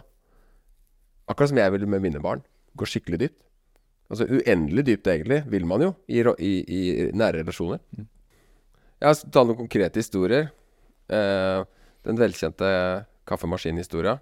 Og det høres jo litt Bare eh, liksom disclaimer da i starten. At det er jo ikke Guds oppgave å drive og gi oss det vi Ting. Altså gadgets, liksom. Men, men eh, jeg tror nok kanskje det har litt med min, mitt forhold til pappa. Eh, og Gud vil vise Det tror jeg veldig. At Gud vil vise oss at han er annerledes enn vår far. Så det vi har lengta etter i våre liv, som pappa ikke har gitt oss, som vi trenger, det tror jeg Gud vil gi oss når vi lar han. Og vi lengter. Hvor mye mer vet ikke jeg å gi gode gaver enn deres eh, Ikke sant? Ja, ja. Min oversett jordslige far. Da. Ja, ja, Ja. absolutt. Han vil gi oss mye mer. Eh, og det, det opplevde jeg veldig sterkt da. Ehm, fordi jeg hadde Det var et periode Arne Sofie var kanskje fire-fem år. Og vi var litt gira på å kjøpe en kaffemaskin. Jeg hadde begynt å drikke kaffe, endelig i en alder av 31-32, eller hva. Tiden. Ikke sant, ja. Så det er jo eh, Og så tenkte jeg jeg må ha en kaffemaskin. Og jeg har lyst på en liksom kverne bønner og liksom the whole deal, ikke sant. Og kanskje lage noe latte og så videre. Kall meg en snobb, men i hvert fall. så hvis jeg hadde sagt det til pappa, eh, så hadde han sagt sånn hva skal du med det? Liksom, bruker masse penger på det. Kan du ikke bare kjøpe deg en kaffetrakter? Enkel kaffetrakter. Jeg vet ikke om han hadde sagt det, men jeg, det er min tanke, da. Altså, han var, det er ikke noe snobberi der. Det er bare Ja, men gjør noe enkelt, liksom. Mm. Og sånn tenker man jo ofte Gud er òg. Ja, sånn som pappaen din der, tenker man Gud er. Og så tror jeg Gud ofte har lyst til å bare Nei, vet du hva, jeg er ikke helt sånn. For han er den rette far for alt som kalles barn i himmelen på jord, ikke sant. Eh, så vi var og Da hadde vi nettopp Altså, det er jo en annen ting, da. Da hadde vi nettopp begynt å gi tiende. Og det er jo ikke for å skryte av det, men jeg tror det er bare så viktig å snakke om. Fordi folk misser ut, altså. Mye. Eh, både i at de Man blir gjerrigere hvis man ikke gir. Og man går glipp av så mange gaver som Gud har lyst til å gi. For hvis du er pappa, da, og du har lyst til å gi ungene dine gode gaver, men du ser at de aldri deler, så vil jo gode gaver spoile ungene dine. For da får de mer, og så vil de ikke dele. Så jo mer du får uten å dele, jo farligere er det for karakteren din. Og Gud er jo all about karakter, ikke sant. Eh, å bygge oss som, eh, som mennesker, ikke sant. Inn i Kristus likhet. Så vi hadde begynt å gi tiende, og det var, det var pga. Stine Førdik, det òg, egentlig. Uh, og Guds kall inn i det. Og det er ganske stor uh, knekk i livet når du begynner å gi 10 uh, Og det er jo netto, da, sånn i første omgang. Eh, mye penger. Trodde jeg ga mye når jeg ga en 200-lapp og en 500-lapp her og der, men det er snakk om eh, Det er mye penger i løpet av en måned. Og det, er, det, det krever tro. Mm, og det krever sparing, eller hva skal jeg si. Det krever nøktern livsstil noen ganger også, å gi. Eh, men fordelen er at det er 10% Så det er jo er det, Har du lite, sier du lite. Har du mye, sier du mye. Så du har aldri råd til tiende. Det er liksom det. Pluss at Gud har lyst til at du skal gjøre det, så han skal velsigne deg. Kanskje først og fremst velsigne deg vekk fra grådighet, Mm. som fort tar oss, spesielt i Norge. Og det er så mange som sitter i det, og som ikke får liksom gjennombrudd i gudslivet sitt fordi de er opptatt av eh, andre ting. Det tar oss, liksom. Um, ja, så vi begynte i tiende, og så hørte jeg en tale. Eh, og så følte jeg eh, om Det var om giving, givertjeneste og så videre. Så, så følte jeg Gud fra ingenting seinere. Så følte jeg Gud sa Andreas, gir du meg 10 000? Og det er sånn Det har, det har jeg aldri hørt før. Og det dukka opp fra ingenting. Og så tenkte jeg bare Nei, det hørte jeg ikke. Vi har begynt å gi tiende nå, det er mye penger. Sånn. Og det er jo egentlig tenker jeg god, god unnskyldning, eller god grunn til å For vi var jo, vi var jo på den. Fornøyd med det. Og så dukka det opp bare jevnlig. 'Andreas, 10 000. Gir du meg? Stoler du på meg?' Og så tenkte jeg bare ah. Jeg sa jo ikke noe til kona, vi har jo felles økonomi, men jeg sa ikke noe til henne. Så sa jeg ok, hvis du vil det, Gud, så vil jeg ikke gå glipp av det. Greit. Så da hadde jeg Jeg hadde gjort en jobb på hotellet her i Lyngdal, og så, og så fikk jeg de bare til å overføre direkte til misjonsprosjektet på KVS. Eh, og da slapp jeg unna skatt, sånn sett. Eh, for det er jo rett en ideell organisasjon, så det var helt topp. Så det ble jo på en måte mer ut av det da enn at jeg skulle få det først. Så det, det, gikk, det var en god deal. Eh, så det var fem og et halvt. Så hadde jeg fire og et halvt igjen. Og så gikk vi opp og så etter kaffemaskin. Meg og Arne Sofie opp på Elkjøp og kikka, så så vi en sånn 3500-4000 kroner som bare Oi, den, dette er, dette er Den har lyst på. Og så kjente jeg bare Da jeg sto der, så følte jeg bare Gud sa Andreas, hva med de fire og et halvt? Har du råd til dette på denne lønninga her? Og så kjente jeg nei, nei, det vet jeg at jeg ikke har. Jeg kan ikke både betale Jeg kan ikke, kan ikke kjøpe den nå hvis jeg har utestående gjeld, gjeld da, til Gud. Mm. Så jeg sa til henne nei, du, vi, vi dropper det nå, stikker hjem. Og jeg sa ingenting. Jeg har ikke sagt noe til henne, ikke sagt noe til Kjersti. Og så kommer jeg hjem, overfører penger, og så tar det to uker. Og så kommer mamma på besøk. Og det første hun sier til meg, sier Andreas, ta og se i bilen. Og der ligger den kaffemaskina. Akkurat en sånn. Oh. Og vi har ingen tradisjon for å gi, oss, for å gi hverandre sånne gaver i familien. Vi, vi kjøper når vi på jul, Om jul så kjøper vi tullegaver til hverandre for maks 100 kroner. For å få mest mulig latter ut av det. Så vi har ingen sånne store gaver. Og mitt kjærlighetsspråk er ikke utgangspunkt i gaver heller. Men der får jeg en sånn kaffemaskin. Rett i fanget. Det var som om Gud bare Andreas, da fikk du en kaffemaskin og en helt rå historie. Sant? Jeg var sånn Ja, det er mye gøyere å få det på den måten enn, enn å bare gå og kjøpe det sjøl. Så den der kaffemaskina, den historien der, den er, trosstyrkende for meg og andre. Og oddsen for det, i hvert fall som jeg kjenner min familie og alt det der, kan du bare glemme. Og det står i butikken og bare Har du råd til dette, Andreas? Nei. Hadde jeg kjøpt den da, så hadde ikke det blitt noe. Nei, jeg har ikke råd til det. Førte over penger. Fikk en gratismaskin. Ja, det er jo veldig Altså, vi som har gått rundt der noen år her og der, det er jo Vi hører disse historiene hele tida fra deg. Jeg føler Gud har vært eh, der med deg, at han, han gir deg disse gøye historiene og, og velsigner deg på en eh, Og det er jo sånn bare måte. helt fantastisk. Kan du tenke deg? Det er bare det er enda en ny invitasjon. Så, stoler du på Mm. meg? Ja, det er det. Jeg har lyst til å gi deg ting, men du stoler på meg. Ja, ja. Og jeg tror det er vanskelig for Gud å bare øse gaver utover oss. Og poenget er ikke at Gud skal drive og gi deg kaffemaskin. Nei, nei, nei. Det har ikke noe med det å gjøre. Men han har lyst til at du skal stole på han, og så vil han ta troa di videre. Og så vil han gi deg gaver, for han er en god gud. Han er en god far. Han har lyst, liksom. Han har lyst. Ja. Pappaen min hadde ikke gjort det på den måten. Og jeg tenker, er du sånn Gud? At du har lyst til å gi meg Jeg tenker bare sånn, Det er helt unødvendig å få en kaffemaskin. Jeg forventer ikke det av Gud i det hele tatt. Men hvis han vil gjøre det av sin godhet til meg, så han har jo mer enn nok ressurser. Altså, det er bare sånn, Og Gud har et relasjon til meg som er helt annen enn en relasjon til deg og til deg. Han har lyst til å gi oss sant, det vi trenger for å kjenne ham. Så for meg så er det bare sånn helt, altså, Er du sånn, Gud? Og jeg har flere akkurat sånne liksom, Ja. Helt sånne historier. Flere. Men jeg har en annen historie som, er, som sier noe annet, som er litt annerledes. Og det var det at jeg har, jeg har jo hatt en del Jeg har en del kamper òg. Opp igjennom. Sånn rent fysiske ting. Eh, ekstremt mye sånn ekstraslag, hjerte eh, TTTS heter det. Tensor tymfanisyndrom i, i, eh, i øret. Det har vært en del kamper da som jeg nok Noe av det har jeg sett i ettertid jeg helt klart har vært åndskamp og plaging. Men skal det, det blir for mye å snakke om det nå. Men, men eh, det har vært noen perioder der jeg har vært så sliten, og jeg tror egentlig det har vært måte i den der fasen inn mot de gjennombruddene vi har fått på KVS, så har jeg stått i en sånn forberedelses... Jeg aner ikke. Altså, jeg skal ikke tolke det for mye. Men sånn i ettertidens så, så, så er jeg ganske sikker på det, at jeg, Gud har forberedt meg i det åndelige. Og det er heftig. Så, vi, så vi ikke, når, du- når Gud er kald over livet ditt, så må du ikke være mismodig når det begynner å få en, når det kommer en storm da, over lengre tid. Fordi at han må bygge karakteren vår. Og han må hjelpe oss å stole på ham. Og han må skape et hjerte i oss som kan skjønne andres smerte. Og det kan du ikke gjøre hvis ikke du har smerte sjøl. Ja. Ja. Så, så det er jo noe vakkert med det, og noe helt forferdelig med det. I hvert fall så jeg var så sliten.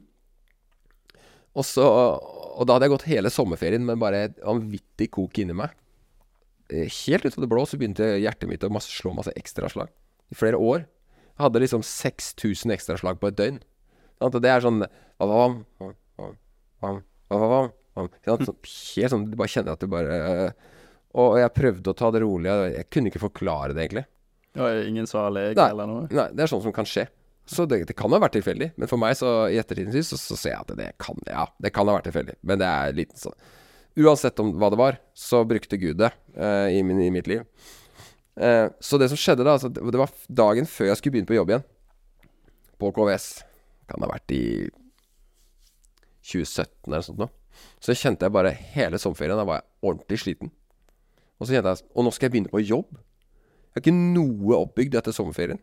Jeg hadde hatt en fin sommerferie, men, men allmenntilst- eller tilstanden inni meg var så, det var så kaos. Det var så mye ekstraslag og mye stress da, som, ikke, som kom av dette. At jeg var ikke klar for å begynne på jobb. Og så sa jeg til Gud, men skal jeg begynne rett i en sykemelding? Hva skal jeg gjøre? Gud, du har kalt meg til dette. Hjelp meg. Jeg, lengter etter, etter fred inni meg. Hvordan kan jeg sant? Du har lova meg fred. Jeg har ikke fred nå. Kan du gi meg sånn? Ordentlig tømte ut mitt hjerte dagen før jeg skulle på jobb.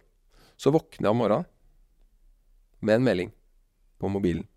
Og sånn, Det er sånn melding som er på en måte bak Messenger, som ikke er fra din kontakt.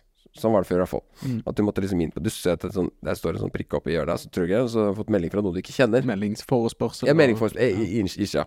Sånn, ja, nettopp. Og så, og så står det Jorge Jimenez eller et eller annet sånt noe, som jeg ante ikke hvem var. Og så skriver han til meg på engelsk. Hei. Dette høres kanskje helt sjukt ut, men eh, Og jeg beklager hvis det er feil, men navnet ditt dukka opp når jeg ba i går. Og det er litt rart, for jeg er portugiser, og jeg har ikke Ø. Så Andreas Kjøndal, kan du tenke deg? Det er jo umulig for en portugiser. What? Og han bare Nei, men navnet ditt dukka opp, og jeg har et budskap til deg fra Gud. Og jeg bare knekker sammen. Og det var den dagen, eller Ja, det var dagen jeg skulle på jobb, tror jeg, eller dagen før. Jeg husker ikke. Og bare Gud ser deg. Jeg ser deg. Jeg ser problemene dine. Kom til meg. Jeg, jeg er her for deg, liksom. Og jeg elsker deg, liksom, skjønner du. Og, og bare åpne dine øyne for hvem Jesus er. Og så sant. Det var bare sånn Det er helt utrolig at en portugiser ber og får navnet mitt opp, og sender meg et melding den dagen jeg er på mitt mest fortvila. Kan du tenke deg hva Gud hvor utrolig rått det er? Hæ? Det er sånn jeg bare Du kan knekke sammen når du tenker på det. Og, og, det, og det, har, det har skjedd Altså, jeg har fått sånne meldinger flere ganger. Fra totalt fremmede. I situasjoner der jeg virkelig har trengt det. Og hvorfor får jeg det? Aner ikke. Takk Gud. Ikke sant? Men jeg lengter, og Gud har et kall over livet mitt. Og det er en eksplosiv blanding, da. For Gud og virkelig Og så må du være lydig. Inn i tiende. Inn i faste. Gjør det Gud vil. Vær lydig. Og da har han så vanvittig mange gaver. Ja, ja, ja. Jeg bare eh, Hva skal man si? Nei. Flere ganger har folk sendt meg melding sånn som det. Ja. Og en annen gang en fyr som heter Terje. Jeg vet ikke hvem du er, og dette her er kanskje helt feil, øh, men tilgi meg hvis jeg bommer. Men Gud har et kall over livet ditt, liksom. Og det er en fyr fra Ålesund som jeg ikke har noen felles venner med. Som, og vi har hatt godt forhold etterpå.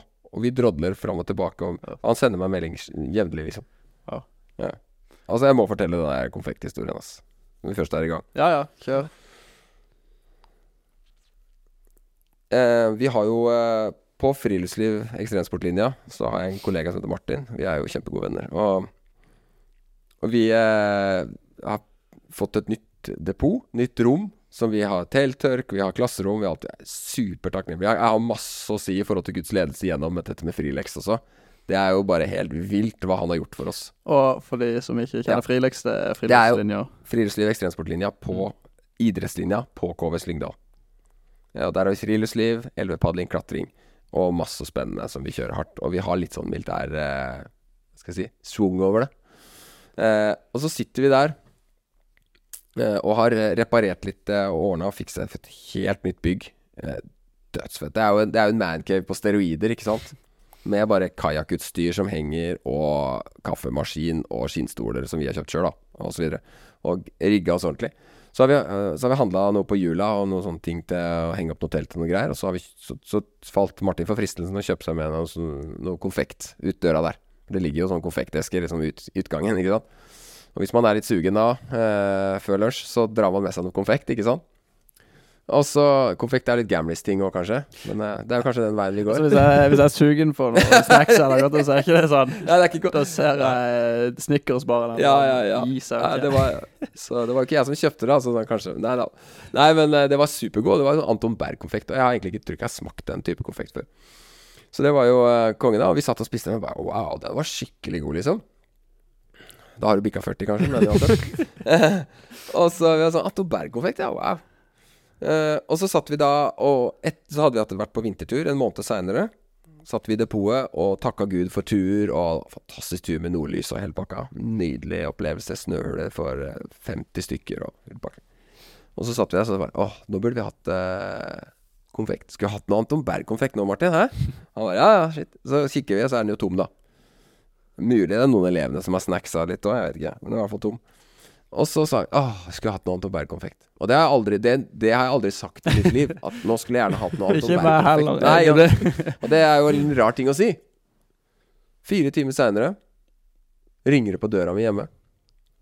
Så kommer en fyr jeg ikke kjenner, med to svære esker med Anton Berg-konfekt. Timinga der, det kan du bare glemme. I løpet av 43 år har aldri noen gitt meg konfekt. Aldri en mann kommet på døra og gitt meg konfekt. Og, og hvis du får én konfekteske Du får jo ikke to. Nei, nei, nei. Ikke. Og av alle ting i verden så får vi Anton Berg. Og han kunne kjøpt alt mulig annet. Og det er jo litt kleint for en kar å komme og kjøpe Anton Berg-konfekt til en annen fyr, altså man ikke kjenner. Men i hvert fall, det var helt sjukt. Jeg bare Når det gikk opp for meg at fire timer seinere så hadde jeg sittet i depotet Tidligere hadde jeg sittet i depotet og bare skulle hatt noe Anton Berg-konfekt. Og så bare Jeg kan ikke skjønne noe annet enn at Gud bare Ja vel, Andreas. Det skal du søren meg få. Tenk på det, da. Og så to svære, og, de, og den esken vi hadde kjøpt, var jo sånn liten. Og dette var tre ganger så stor eske. Ganger to. Og roser.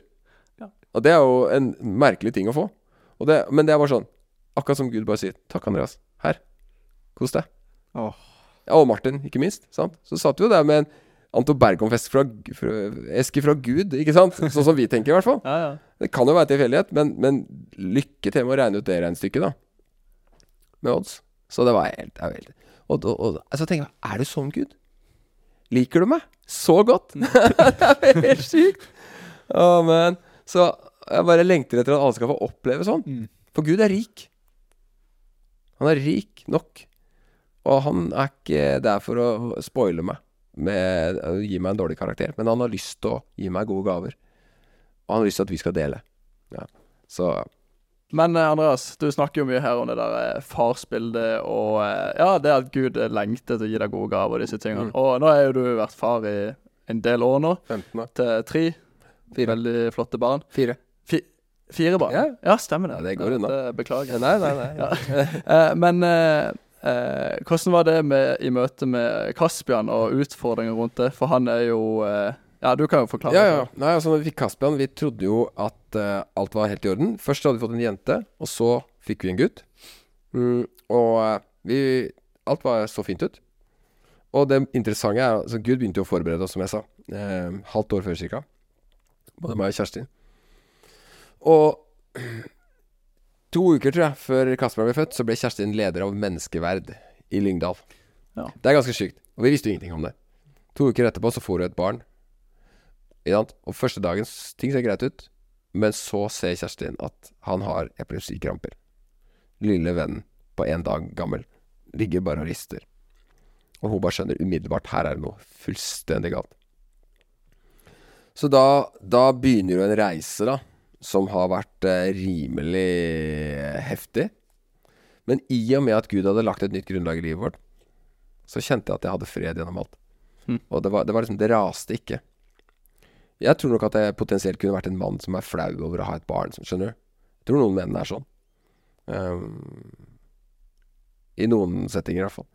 Men, men jeg bare føler at eh, jeg, har, jeg har fått så fred gjennom det. og Jeg bare føler at jeg har vært så forberedt på det, og jeg har et grunnlag å stå på. Så når selv det blåser, så står jeg fast, da.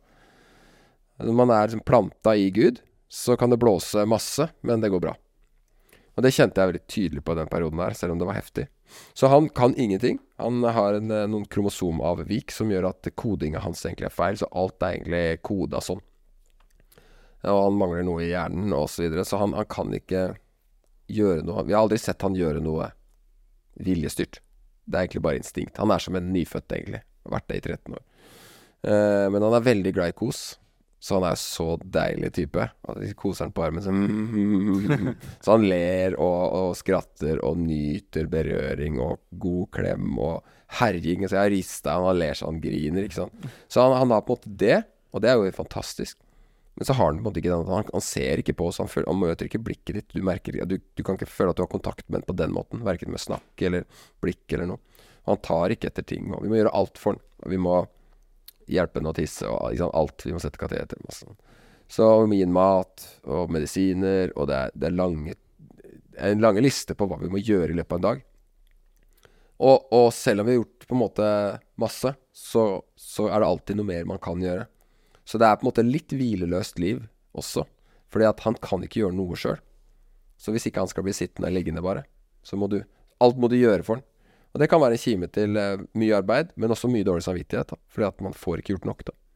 Eh, men vi har hatt det så fint. Og jeg merker liksom det er et sånt Han er noe sånn i livet mitt som jeg merker Hvis jeg kjenner at det begynner å bli tungt med Kaspian, så kjenner jeg bare Ah, nå har jeg mista fokuset mitt. Perspektivet mitt har blitt feil. Fordi hva er meninga med mitt liv? Hva er meninga med livet ditt? Sant? Det er jo å kjenne Gud og beskytte de svake, som mann, ikke sant. Og vi har jo bare verdens beste gave. Vi kan beskytte Kaspian hele livet. Hjelpe han, som ikke Ja. kan noe. Det er jo så meningsfullt. Men i samfunnet vårt, ikke sant, så er det sånn Hva gjør vi? Jo, vi vil ha det digg. Så vi fjerner problemene våre. Og det vi ikke skjønner, er at Gud har gitt oss en gave som vi skal vokse på. Eh, og Caspian har vært en sånn derre gave som vi har vokst på i karakter. Og vokst på i, i styrke og i kjærlighet, ikke sant? Og vi kunne sikkert vokst mye mer. Men vi har jo hvert fall Det har skjedd masse gjennom det. Og en annen ting er at folk Folk som kommer til oss før, ikke sant så, sånn, Vi har levd Vi har vært heldige med vår oppvekst og våre vaner og ting. Så vi har på en måte lever et tilsynelatende veldig sånn fint liv. Og hvis folk da har masse smerte i livet, så er det mye vanskeligere å kommunisere med noen du bare tenker ja, men de får det til, jeg får det ikke til. Men så et eller annet med Caspian, så blir det liksom brudd i fasaden. Så åpner det seg mange samtaler, da. Mm. Når vi har han. Og det har vært en sånn utrolig rikdom. For det første, for å bli kjent med han, og få lov å, få lov å elske han. Og hjelpe han. Og være et forbilde med han. Og, og på en annen side også Det åpner mange relasjoner og mange samtaler, da. Der vi kan komme nærmere folk, av at vi også har en tydelig smerte i livet vårt. Så smerte kommuniserer mye mer enn suksess. Så det er jo kjempefint. Og som mann så er det liksom Hva er du kalt til, da? Jo, beskytte. Bruke styrken din, kraften din, til å hjelpe de svake. Til å beskytte de som ikke kan beskytte seg selv. Eh, og, og da kjenner jeg blir ekstremt provosert. Når liksom den norske befolkning da aborterer ja, hva er det? mange og 90, opp mot 99 av downserne, f.eks. Bare dreper de i mors liv. Og, og sånn medisinsk sett så er det jo ikke noe annet enn et, drap. Eh, sånn sett. For det er jo et liv. Og det er jo ikke kvinnens kropp. Det er jo en annen kropp inni kvinnens kropp. Så kan du bare, det kan du bare glemme, liksom. Altså, abort er galt. Uansett. Eh, altså, eh, det vil si, hvis moren sitt liv står i fare osv., så, videre, så er det jo noen ting Det er noen etiske dilemmaer der. Så, så det er jo ikke svart-hvitt på den måten. Men, men eh, generelt, abort er en forferdelig ting. Og jeg tror at veldig mange tenker Og det er jo forferdelig vanskelig hvis du har Hvis, hvis, hvis du kommer på legekontoret eller, ikke sant? eller jordmor, eller hva, og så sier de sånn «Ah, OK, det her er downs. Skal vi bare fjerne det, eller? Det er liksom sånn lettvint. Skal vi bare ta vekk problemet ditt, eller? Høres jo fristende ut, det. Så hvordan det blir fremstilt Og noen har følt seg tvunget, nesten, av legene til å fjerne fosteret. Kan du tenke deg? Forferdelig. Ja. Altså Altså noen som sier sånn Ja, men voldtekt, da? Ja, da, da liksom eh, Hvordan kan du få et barn som hvis du er voldtatt? For det første så er det bare nesten ingen av sakene. Og for det andre Ja, men se bort fra det, da. Er vi enige om at abort er galt hvis du har alt på stell, og alt er greit, og du har et sånn? Det vil man jo ofte ikke medgi. Og for det tredje, hvis noen skal dø, så er det ikke barnet. Hvis noen skal dø, så må jo det være voldtektsmannen, tenker jeg. Mm. Ikke barnet. Mm. Det blir helt feil. Og det er lett for meg å sitte her og si jeg har tre barn med Tre? Sa jeg tre? Fire. Fire barn med, med sant, stabilt forhold og sånn. Så jeg skjønner jo det at det er jo en helt annen ting å bli sant? Er du voldtatt og blir gravid? Forferdelig. Og virkelig all mulig kjærlighet og respekt inn til det. Men det er ikke barnet sitt feil. Interessant. Ja, Eh, altså, abortdebatten er jo ekstremt ja Vi trenger eh, jo liksom ikke gå ned den gata, men Nei, nei, men det er veldig interessant uansett. Men eh, du nevnte noe Jeg har hørt deg snakke om det med eh, i møte med rockesokk. ja, Dette her. Det er jo interessant. Og det er så virtual signaling, ikke sant. At uh, folk har lyst til å bare rockesokk. Jeg går med rockesokk, så jeg bryr meg om uh? At de som har andre utgangspunkt i livet. Og det er så forbaska irriterende. Når liksom Stortinget poster på Instagram liksom, rockesokk, alle går med rockesokk, og vi bare sant? Vi er for uh, Vi vil hjelpe alle de svake, eller de som har andre utgangspunkt. Og så bare sånn Ja, men du er jo da virkelig for din luring. I abort i uke 23, eller hva? Og da tenker jeg bare det blir helt grelt når vi aborterer de fleste sånne saker, og så skal man gå med rockesokk etterpå. Drit og dra. Og jeg tenker som, som far til en sånn sønn, så kan jeg si det med full tyngde. Det er hykleri. Mm. Og det som er så leit, det er at folk noen ganger så kjenner folk det. Kanskje du aborterer ditt første barn fordi det er inconvenient ikke sant? å ha Det passer ikke nå. Jeg er midt i studier. Og så får du da to-tre barn etterpå, og så kjenner du bare tomheten etter det første barnet. Det slår deg helt i stykker. Innvendig. Hvordan skal du klare det når du skjønner at du har tatt livet av ditt eget barn? Det er forferdelig. Og, og, og det er grusomt. Er kun, du kan ikke få tilgivelse på, på, på noen som helst du, Det er vanskelig å tilgi seg selv. Er, du kan ikke gå til barna og få tilgivelse. skjønner du? Det, så eneste du kan få til, eneste løsninga der er Gud. Mm. Og Gud kan gi deg full tilgivelse. Det er det eneste håpet vi har i en sånn situasjon. Mm. Uh, så jeg har Altså, jeg, jeg skjønner at det er vanskelig, og jeg skjønner at det er grusom situasjon mange ganger. Men jeg er så fortvila av at samfunnet har gått i den retninga det har. For du har jo fått sett den velsignelsen på en måte som, som Mm. har kommet ut av det, da. Og det er det jeg mener, altså. Det er jo en velsignelse. Spør foreldre til en med Downs syndrom. De var sånn Vi ville ikke hatt et liv uten denne her gutten vår. Og det er jo ikke noe selvfølge at Altså, ja, blir det veldig vanskelig? Ja, det gjør det. Men det er jo ikke lett å ha et barn uansett. Og du vil få gleder og sorger med alle barn. Og Gud har lyst til å bygge karakter i oss. Gi oss en mulighet, ikke sant? Og kanskje akkurat det du trenger, det er et barn med spesielle behov for å bygge, ta ut potensialet i din egen kjærlighet og ditt eget liv. Så du kan bli et menneske som virkelig vokser. Og ofte så tror jeg at folk tenker sånn 16 år og sitter med et barn som bare tenker Nei, det kan jeg ikke, ass. Jeg er jo ikke klar for det. Nei, det er jo ingen som er klar for et barn. Altså, du vokser inn i rollene. Mm. Og, og du får visdom. Og du får kjærlighet. Og det er bare sånn Det er en gave fra Gud å få et barn. Mm. Selv om ikke det var planlagt.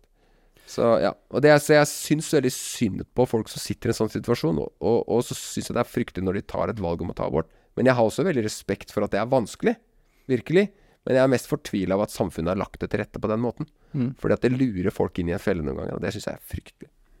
Altså bare for å ikke gi rom for misforståelser, Mm. altså er, så er det ikke nødvendigvis at det er Gud sender eller gjør dette med vilje. Jeg skal gi deg et barn med spesielle behov, sånn sett. Nei, Men at, eh, men at det faktisk, om det hender da, så at det trenger på ingen måte å være en negativ ting. Og du er jo et levende bevis på akkurat det, da. At det, det kan jo være en gigavelsignelse der du faktisk jeg nesten enda, jeg trenger enda mer av Gud. For, ja. Tilbake til denne brønnen, da. Ja. Jeg trenger, For å kunne gi vann som er hentevann, jeg Mm. trenger Gud enda mer. Mm. Uh, Ja, Ja, ny, ny invitasjon til å ja, ja. liksom, ja, det er enda mer. Stol på meg. Det er jo et uttrykk som heter 'slippery slope', og det tror jeg er veldig viktig for at folk For folk å skjønne hva det betyr, og for samfunnet vårt. Det har vært en veldig sånn eh, en åpenbaring for meg, da. Fordi at det er et eller annet med Du åpner, en, du åpner et gjerde. Ta vekk et gjerde. F.eks. abort. Man har lov til å ta liv, eller fjerne et foster og hva. Sant? Og så sier folk ja, men det er kun I starten så sier man det er kun i visse situasjoner det er lov. Sant? Hvis det står om liv for mor. Og så kan det stå uh, Så er sånn Ja, men, men dette også, da. Ok, dette òg. Ja, men hva med dette? Ja, men hva med uke 8? Ja, uke 12, da. Hva med uke 16? Ja, hva med uke 23, eller hva? 24, jeg husker ikke. Sant? Så det er en slippery slope. Da med en gang man åpner en sånn port, så går det fortere og fortere og fortere. Det er som aktiv dødshjelp òg. Alle land som åpner for aktiv dødshjelp, der raser det videre. Og så blir det fryktelig vanskelig å stoppe den snøballen som begynner å rulle. Ja, til slutt så sitter man og pusher det helt til enden, liksom, sånn som New York, som kan, du kan ta livet av barnet rett før det kommer ut. Ikke sant? Så, så det, er, det, er, sånn slippery slope er viktig, da. Og, og, og, for meg som mann, vi skal jo beskytte de svake. Vi skal ikke ta livet av de svake. Og vi skal stå som en sånn sikkerhet i samfunnet der vi står opp for det som er rett, og stopper det som er galt. Hadde de tatt livet av ti dager gamle babyer på, i Kristiansand sykehus, ikke sant? så hadde vi selvfølgelig gått ned dit og stoppa det. Så spørsmålet er hva er vår rolle? Og en annen ting er sånn Dette med Hitler, ikke sant. Det var en slippery slope ikke sant, som gikk nedover. Til slutt så, så lager man utryddelsescamper for jøder. Og, og, så ille blir det. Så ille kan det bli. Ser du eh, borgerkrigen i Rwanda? Plutselig så, så raser snøballen nedover, og så, og så voldtar man naboene sine og skyter dem. Hvordan kunne dette skje? Jo, man har åpna et gjerde, og så har man bare snøballen begynt å rulle. Slippery slope er farlig, da. Så nå sorterer vi vekk noen i samfunnet. De med Downs syndrom, f.eks. Sorterer vi faktisk vekk. Vi sorterer de faktisk vekk. Hva med ti år? Hva sorterer vi vekk? Vi ser Kina. Abort på eh, jenter. Og nå er det 300 millioner, eller hva? Eh, jenter som mangler Altså flere gutter enn jenter. Kjempeproblem. Så, og ja, ekstremt grusomt. Og, og, det med tvillingabort osv. Ta bort én, for det er ikke plass i bilen til to. Sånt. Det er noe sånn, og det er slippery slope. Så det er det jeg er livredd for. Og som mann så har vi Som menn så har vi et ansvar for å stå imot dette her. Og gjøre det som er rett. Selv om det koster oss. Og det er jeg gira på. Det skjer jo en del med din tjeneste og der du er i Lyngdal nå og sånn. Kan du mm. snakke litt om det? Hvordan det har sett ut siste åra? Altså, reisen min i kallet på KVS som lærer har jo, har jo vært en spennende reise for meg. Mm. Og jeg har vært veldig som sagt, da. Jeg vet at jeg skal være her, så jeg har jo veldig lurt på hva Gud vil, vil, vil gjøre. Og det er ikke sånn at det alltid må være noen kjempestore ting, men Gud gjør jo ting. Eh, små ting og store ting. Men her ser jeg jo at Gud har lyst til å gjøre større ting. Eh, og det begynte egentlig med i 2016. Det hadde vært mye som skjedde. Vi jo sånn Folk kom på møtene, torsdagsmøtene, og, og, folk var gira, og det var mye god lovsang, og det var liksom Ting var ganske bra på vei opp. Eh, og, men så hadde vi en eh, skikkelig knekk i 2016, da vi plutselig på våren der kom i avisa. Eh, landsdekkende aviser, VG, Dagbladet, NRK på nett og i aviser så står det liksom ja, elever utvist for narkotikabruk på kristen skole. Og jeg har jo ansvar, hovedansvar for markedsføringa på KVS, ikke sant? og det er ganske kjipt å gå på den smellen. For da Vi hadde jo det beste søkertallet ever på det tidspunktet. Jeg hadde hatt et mål i flere år om å nå 1000 søkere totalt på alle eh, prioriteringer. Og da var vi på 1030 eller noe sånt det året første gang. Så det var sånn yes! Og så skjer det en sånn skandale, og så er det mange som ikke tør å sende barna sine. Ikke all PR som er god PR? Liksom. Nei, eh, absolutt ikke. Ja, For snittet gikk jo ganske godt ned. Ja, det gjorde det. det. Ja. Uh, så det var en ganske crazy opplevelse. Men det vi så da i ettertid, så så vi det at Eller i hvert fall sånn som jeg ser det, så var det et eller annet med en åndskamp som vi tapte der. Og det er jo sånn interessant hvis du ser tilbake på for på høsten. Dette skjedde på våren. Så høsten før så så vi at det var en, eh, noen utenfra uh, i området rundt som hadde kommet ned på KVS og blitt venner med noen av våre elever. Og de var drev, durkdrevne spiritister. Og de dro, dro, med seg en del sånn spirit, spiritisme inn på KVS. Så vi fant jo lys og sånne brett rundt omkring flere steder, liksom. Så? Ja, ja. Ja. Så det er bare sånn Helt sprøtt. Og så på våren, da, så skjer dette her. Og det jeg tenkte bare med en gang, da, var sånn Ok, vi taper i det naturlige fordi vi har tapt i det åndelige. For når du, når du driver med spiritisme, det er jo kjempeskumle saker. Ikke fordi ikke Gud er sterkere, men det er fordi du tillater ondskap rett inn i livet ditt. Det som, Så langt jeg forstår det, så det som skjer, er at når du driver, spiller du Ouija-board og er med i dette, så inviterer du åndskrefter inn i ditt eget liv. Og du inviterer inn i det rommet du er i. Og det er superskummelt, for det vil du faktisk ikke. Og det, det inviterte oss inn på KVS, da, på en måte. Og inn i livet til folk. Og jeg var ikke vant til å tenke nedi Jeg hadde begynt å gå ned og tenke litt på det, men jeg var ikke vant til dette her. Så jeg tenkte bare ok, hva må vi gjøre? Vi taper. Og så sånn Så ble jeg så minna på Jeg vil begynne å be. For bønnemurene var, la, var, lave da. Vi hadde ikke noe sånn ordentlig bønnearbeid på KVS på det tidspunktet. Det var farlig. Og spesielt hvis Gud har et kall over skolen og planer og sånn, ting han vil gjøre. Så blir det jo motstand først, ikke sant? Men den motstanden gjorde bare at vi begynte å be. Så det var egentlig helt perfekt. Derfor skal man ikke se så, så ned på sånn motstand, for det kan jo få fram akkurat det du faktisk trenger, nemlig vekst og modenhet. Eh, så det vi gjorde, vi begynte å Hvert år siden så har vi hatt en bønnerunde på internatet på hele skolen før skolen begynner. Et par dager før skolen begynner, så har vi bare masse folk. I år var vi sånn 30-40 stykker. Fra forskjellige menigheter, forskjellige folk, og elever og lærere osv. Som er rundt på internatet og på administrasjonsbygget overalt i klasserommene. Og så ber vi Eva gjennom hvert eneste rom på skolen. Og da salver vi og ber, og, og hvis vi kjenner på noe inne på B22 så kjenner vi bare ok, her kanskje det er en leder. Aner ikke åssen det funker, men vi, vi, går i tro. Så det var sånn, ja, vi ber om at han her må bli en leder, eller hva. Og bare ber om frihet her. Og ikke sant. Alt mørkt går i Jesu navn. Så det har vi gjort da i siden 2016, og det er hvert år. Så det er én ting. Og så har vi begynt å be hver torsdag på tunet, midt på tunet, rundt tuntreet. Og da har vi sånn kort bønnestund der vi holder hverandre i hendene og bare sier at i Jesu navn, alt mørkt og ondt, alle tvangstanker, alle bindinger, løgntanker, gå i Jesu navn, dette er ditt sted, Herre. På en måte bare erklære at dette er skolen, Guds skole, Guds sted. Det, det er jo derfor KVS Lyngdal fins, fordi mm. vi har et kall. Um, og, og, så start, og ja, så starta det mange nye ting. Og jeg gikk jo En ting som vi starta med, som er kanskje noe av det viktigste vi skal snakke om nå, det er jo dette med krigerne. Uh, så jeg gikk jo med et i et par år med sånn derre lengsel i hjertet, eller eh, trykk, da, et, en kall, kanskje, til å starte noe for gutta. Det visste jeg. Det visste jeg. var ganske sikker på at det var Gud som kalte meg, for jeg, det dukka opp i helt merkelige sammenhenger. At bare ok, det skal starte noe for gutta. Jeg visste ikke hvordan det skulle se ut, jeg visste ikke hva det skulle hete, jeg visste ikke hvor vi skulle være. Og det kjente jeg bare Det må jeg finne ut av, for det er så viktig. Jeg kjente at det var noe Gud kalte meg til, men jeg visste ikke helt hva det var. Og det var så tåkete at jeg måtte finne ut av det. Jeg bare kjente Gud, vis meg, da. Og vanligvis så pleier jeg bare å tenke ok, men da gjør jeg cirka dette. Men jeg visste at jeg ikke bare kunne sette i gang med det. Jeg visste at jeg måtte få det fra Gud. Det er ganske kult i ettertid å vite at ja, men jeg, jeg måtte få det fra Gud.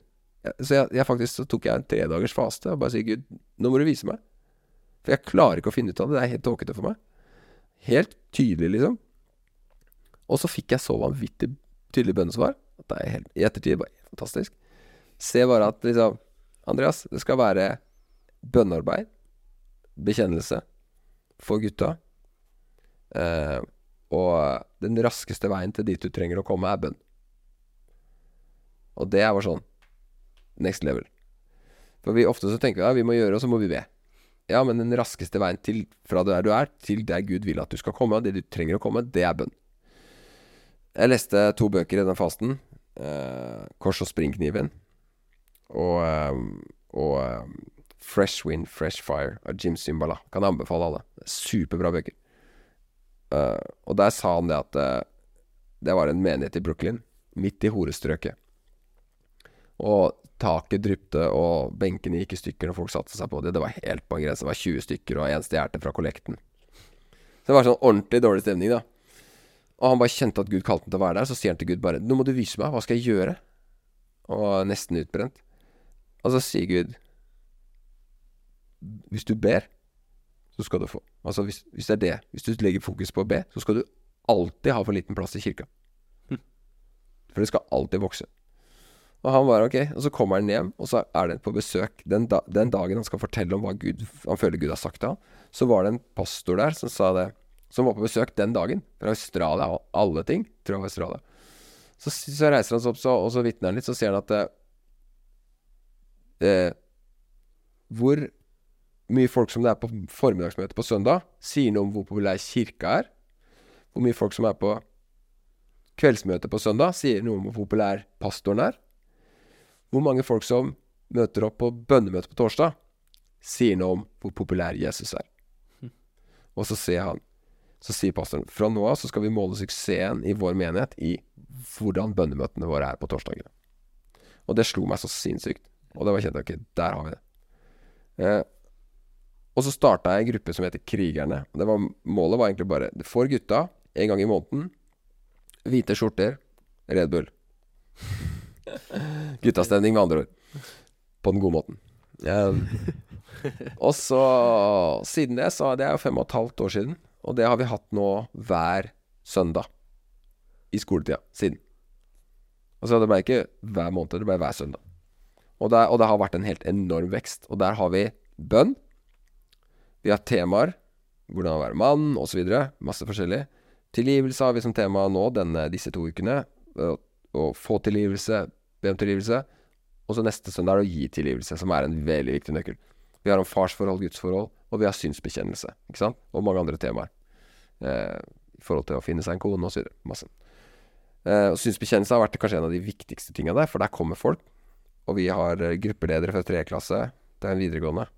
Og så har vi folk fra andre klasse og første klasse på samme gruppe. Og så er det gruppelederne setter i gang og bekjenner synd. Andre klasse, første klasse. Og når du kan ta av maska for første gang for alvor, og det blir lagt opp til at nå skal vi vise hverandre svakhetene våre, og så ber vi for hverandre. Så når du kan ta av deg maska for første gang som førsteklassing, aldri vært med på lignende, treklassingen bare forteller deg hva han sliter med, og du bare Oi, wow, jeg er ikke alene. Ta av deg maska. Og så blir du tatt imot. Det er det motsatte av den kulturen vi ser mange steder. Nemlig den der køddekulturen der man hakker på hverandre og gjør hverandre utrygg. Så er det sånn Jeg tar av deg maska. Ja, vi er glad i deg. Mm. Hæ? Det er Vilt. Og ut av dette med krigerne så har det kommet så vidt mye. Og da kommer jo jentene med en gang. De vil også ha det samme, for de ser Ok, hva skjer med gutta? De blir forandra. Vi vil ha det. Hva kan vi, hva kan vi gjøre? Så starter de også opp gruppe. Ikke sant? Og så, og så Og det er historien, ikke sant? Og det har gått noen år nå. Og så ser vi fruktene av det på så mange måter. I miljøet, i vekst i kristenlivet og disippelgjøring.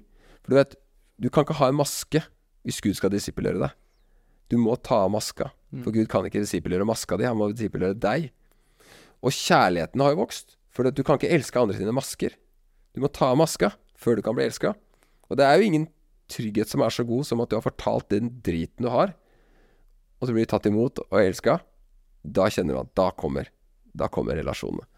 Så det var fantastisk reise de siste åra, og nå starter de opp krigerne og søstrene rundt omkring i hele landet. Akkurat nå så tror jeg det er, det er fire-fem nye grupper bare nå den siste måneden rundt omkring i Norge. Så jeg tror vi er oppe i 10-15 Altså Jeg vet ikke, jeg må få litt kontroll på det her, men, eh, men det er virkelig noe som fungerer, da. Og som er en helt utrolig eh, eh, løsning for disippelgjøring og, og elske hverandre, rett og slett, som både menn imellom, men også det, det gir frukter andre steder. Og så da har vi jo begynt med Så lederne på Søstrene og lederne på Krigerne, de er gått sammen til en forbedergruppe. Og vi har noen krav til de da. Skal du være leder på Krigerne, så må du være i Bibelen. Altså, de må være planta i Bibelen. Så da forventer jeg at folk leser daglig. Og det kommer vi ikke til å sjekke, det er ikke det. Men liksom, det er den største sikkerheten man har. Da. Folk er i Bibelen.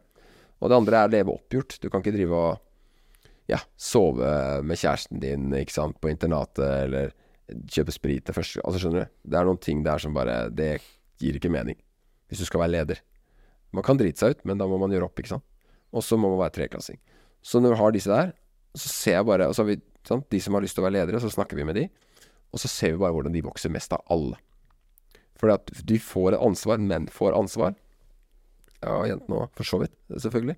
Så får du ansvar, så bare vokser de så vilt. Så vi hadde en samtale nå forrige uke med, med noen av disse her, og de bare Jeg har vokst så enormt bare på å få det ansvaret som leder og som forbeder. Og dette er da forbedergruppa, lederne.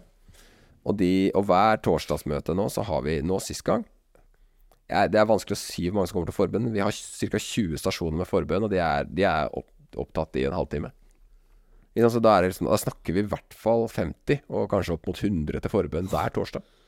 Helt, helt Tenk, og tenk hva Gud kan gjøre da. Når vi ber før skolen starter på alle rom Vi ber hver torsdag Vi ber på krigerne og, og, og for hverandre i grupper Før vi starter Og til slutt ber vi på kne på krigerne Og på søstrene. Og, at vi på måte, og så har vi så mange til forbønn. Så Jesus sier Dere har ikke fordi dere ikke ber.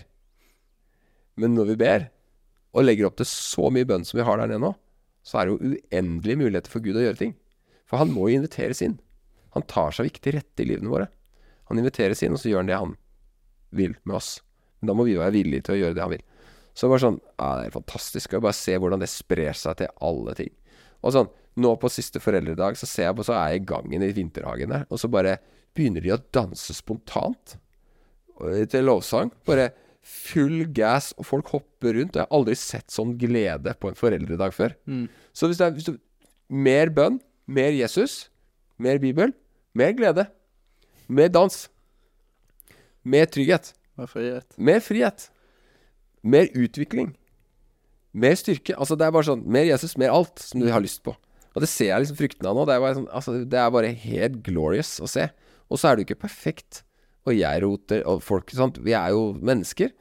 Eh, men det å kunne bekjenne synd for hverandre, så bare åpner det seg noen helt nye ting, ass. For det du sier der, er bekjenne synd. Jeg, jeg tror nesten det er litt den der nøkkelen, den der Mm. ydmykheten man skal komme inn Ja. med. Ikke bare til brødre, men til Gud òg. Og står det ikke i Bibelen der bekjenn, eller be Gud om tilgivelse, du skal få tilgivelse, men bekjenn eh, til dine brødre, Ja. sånn, så skal du få frihet. Ja, I hvert Eh, fall helbredelse. helbredelse er det Ja, ja. ja, Ja. Og, og jeg, jeg kan huske sjøl det der å kunne fakt... Jeg var jo en av de som var heldig nok til å være med i begynnelsen av dette her, og eh, kom jo inn fra ja, whatever. Og da eh, Jeg husker bare det å kunne ta seg maska. og- Snubla inn fra høyre. ja, faktisk. Datt inn dør. Å ja. Datt inn døra Ja, med hvit skjorte og Red Bull i hånda. Ja, ja, ja. Nei, eh, så er det sånn der, eh, der Det å kunne ta av seg maska og være ekte med andre gutter eh, jeg, jeg husker det sjøl, at det, var, det er jo en stor omvendelsesperiode for min del. bare det, det, Friheten kom derfra. Det å kunne gå ærlig foran Gud, men òg kunne gå ærlig foran kompisene. Bare, dette er ting jeg har gjort, og jeg, jeg angrer, men jeg er fri. Og så blir jeg akseptert for det i samme slengen. Jeg tror ja, jeg tror det er mange som eh, forhindrer åndelig vekst Mm. med å holde, å, å holde den fasaden, Helt klart. faktisk. Ja. Uh, ja. Det er det verste du kan gjøre. Og det er derfor altså, Hvis du ser i kirkene vi er, jo, vi er jo ikke Jesus sier sånn Dette skal kjennetegne mine disipler. At de agaper hverandre. At de elsker hverandre ekte. Er det det vi ser i kirken i Norge? Uh, nei. Tror kanskje ikke det. Og hvorfor elsker vi ikke hverandre? Nei, for du kan ikke elske Instagram-versjonen av noen andre. Og den kirkekaffen, ikke sant, etterpå sånn Ja vel, åssen går det, broder? Ja ja, Gud er god, ikke sant? Halleluja. Og så, og så er man ikke der, egentlig. Det er bare en maske man setter opp. Eh, men når man kan få tømt ut søpla foran noen andre, og de tømmer søpla tilbake, der oppstår det kjærlighet. Mm. Du kan ikke elske noe annet enn det ekte. Og, og når du får delt svakhet og tar imot hverandre, så bygger du noen sånne vanvittig sterke bånd til hverandre. Og dette er noe gutta bare kjenner så på, og jeg ser det på lederne. Jeg går rundt ikke sant, og ser når gruppene har samlinger. Jeg har jo på en egen gruppe, jeg for så vidt. Men jeg ser liksom rundt meg, og så, så ser jeg lederne, treklassingene, sitter der. Og har begynt samtalen og bekjent sjøl, f.eks., eller hva. Og så går det videre. Og så ser jeg bare i øya på de en sånn stolthet, liksom. En sånn der kjærlighet. Dette er gutta mine. Han er fin, han der førsteklassingen der, ass. Begynner, så ser jeg bare de er glad i hverandre. For de har åpna seg for hverandre. Og den kjærligheten der, det er noe helt annet. Og det er det Gud vil at vi skal gjøre. Være ærlige og ekte med livet. Og vi som er kristne, vi vet jo det at vi trenger tilgivelse, som vi sa. Vi trenger Vi er kjørt. Hvorfor skal vi ikke være ærlige med mennesker når vi skal være ærlige med Gud? Vet, det, er jo, det er jo ingen som kommer inn i det meningen og tenker ah, her får folk det til. Du er jo ikke kristen fordi du får det til. Nei, du er kristen fordi du er slakka. Ikke sant? Fordi du er kjørt. Du vet det sjøl. Og da, hvorfor er vi ikke mer ærlige? Men, og jeg tror Min erfaring med gutter i forhold til jenter, er at jenter er dypere med hverandre til vanlig. Og dette her tar jeg litt ut fra min egen forskning, så det er mulig jeg tar feil. Mm. Bare sånn en disclaimer. Men, men gutta er jo her liksom øh, fotball og god stemning og kødder i gangen og sklir på magen på såpe og vann ikke sant, gjennom internatet. Og så er det god stemning. Og så kødder man og gjør det usikre og litt sånn. Guttastemning. Mens jentene er litt sånn dypere. De lytter til hverandre og snakker om dypere ting og hva de føler og sånn. Men hvis du setter en gutt på en gruppe, og lederen begynner å si 'Dette sliter jeg med. Hva med dere?' Så bare Mm. Så åpner du bare en vanvittig dybde som det er lett for gutta å følge. Du ser hvis, hvis Vi har jo noen tiendeklassinger også, faktisk, som vi har tatt inn på Krigerne. Som er kristne rundt på ungdomsskolen her. Og de får lov å være med, da. For de står jo i veldig mange kamper sjøl. På ungdomsskolen i området her. Og trenger styrke som vi kan hjelpe dem med. Så får de å komme og se forbildene sine, og sitte på en gruppe med forbilder De bare ser hvordan de bare Wow. Og så kan man være ærlig med livet sitt. Så er en av gutta Av disse gutta fra 10. klasse som bare Hei, jeg er ikke sikker på om jeg har lyst til å dele noe. Det var første gang han skulle være med. Personlig, liksom. For jeg syns det, det er skummelt. Det skjønner jeg jo. Alle forbilder, tøffe gutter, og så skal han fortelle, liksom. Og så sier jeg nei, det går bra. Bare, bare kom, du. Jo. Så ender han selvfølgelig opp med å dele masse. Fordi at når gutta begynner å dele, så er det lett. Så lenge det er en trygg setting. Og da åpner det seg. Og det er jo å få være en mann. Det er jo å være ærlig, ekte, uredd. Sant? Det er mye tøffe karer. Jeg har jo vært med noen av de tøffeste karene i verden. Sant? Marinejegergutta. Men det er jo ikke sånn at uh, det er gøy å være tøff og få det til. Men er det lett å innrømme svakhet? Mm. Hva er egentlig styrke? Styrke er å være sterk, ja. Få ting til, ja. Men også være ærlig. Og du er jo ikke sterkere enn du er ærlig. For hvis du har noen skikkelig sånne minefelt i livet som du er livredd for å gå inn på, så er du egentlig redd. Skjønner du? Eh, så, så dette her er jo styrke. Så var det en av gutta, og dette skjer jo litt med, med jevne mellomrom, som eh, for noen år siden, tre år siden, to-tre år siden, som eh, av lederne som ble borte etter hvert. I løpet av russetida. Så vi ikke noe mer til han. Fordi han eh, tok jo noen valg som gjorde at han kjente at han ville ikke være leder og stå i dette. Han begynte å drikke og, og, og rundt og feste og styrte. Så kjente han at det, det passa ikke sammen. Og det setter jeg jo veldig pris på. At man kjenner at eh, Ok, jeg har valgt noen valg nå som gjør at jeg er litt eh, dårlig forbilde. Og da holder man seg unna det. Og så snakka jeg med henne etter hvert i den perioden, og denne rusttida på en måte begynte gikk mot slutten. Så sier han at jeg er så lei meg, ass. Angrer så på det jeg har gjort. Skjønner ikke hvorfor jeg hadde kunne gjøre det, liksom. Jeg hadde ikke tatt noen gode valg i forhold til drikking og sånn. Og så sier jeg, men vet du hva, kom tilbake, da. Og så, så, så reiser du deg opp, og så sier du hei, gutta. Så er du ærlig. Ber om tilgivelse. Ja, det vil han, da. Greit, det. Og så neste krigersamling, så sier han ja, gutta, jeg må si noe. Og der er- sitter det 70 karer, ikke sant. Så reiser han seg opp, og så bare ja, jeg er lei meg. Jeg har rota det til. Og, og jeg hadde ikke tatt noen gode valg på forhånd. Jeg hadde liksom ikke bestemt meg. Altså, jeg bare dro av gårde på dårlige ting. Kan dere tilgi meg, gutta? Og alle bare ja, ja, kom her. Så ba vi for den. Og han hulkegriner, ikke sant. Og det er bare så vakkert. Ja. Og så sa jeg bare, vet du Følg med nå, gutta. Det var noen av de siste, en av de siste krigerne før sommeren. Og folk skulle slutte å gå videre på universitetet og sånn. Så sa jeg sånn Når dere kommer på nye steder nå, så ser det ut som folk har kontroll. Folk er tøffe, folk er sterke. Og du kjenner bare Oi, hva har jeg kommet med? Men jeg skal si dere en ting. Dette er styrke.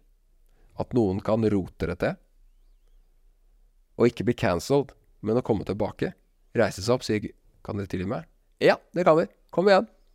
Og så bli helt inkludert igjen. Det er det vi trenger. Det er styrke. Det er faktisk styrke. At han står der og forteller og gjør opp for seg. Og det er styrke at vi tilgir ham. Og det er styrke at vi tar den rett inn igjen. Som om ingenting hadde skjedd.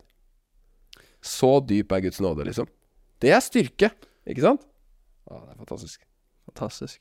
Så det som eh, jeg synes er, det som stikker veldig ut da med denne krigergruppa For det, er jo, det finnes jo mange bønnegrupper he- her og der. Og jeg hadde jo vært Mm. med i bibelgrupper og Mm. Connect og diverse, som det heter. Og, eh, men men det, det som jeg syns krigerne skiller seg ut med, det er litt sånn det, det, det er litt opp ned, egentlig. Eh, Sein russ da på en videregående skole. Skal jo egentlig være kongen av skolen, ikke sant. Du går i russedress, og førsteklasseguttene ser opp til deg, og første- og andreklassejentene liksom eh, vil være kjæreste med deg, og disse tingene. Sånn, det der, den hierarkigreia som er på en vanlig videregående, eller generelt i arbeidslivet òg. Du har sjefen, og så er du Alltid hierarki, egentlig.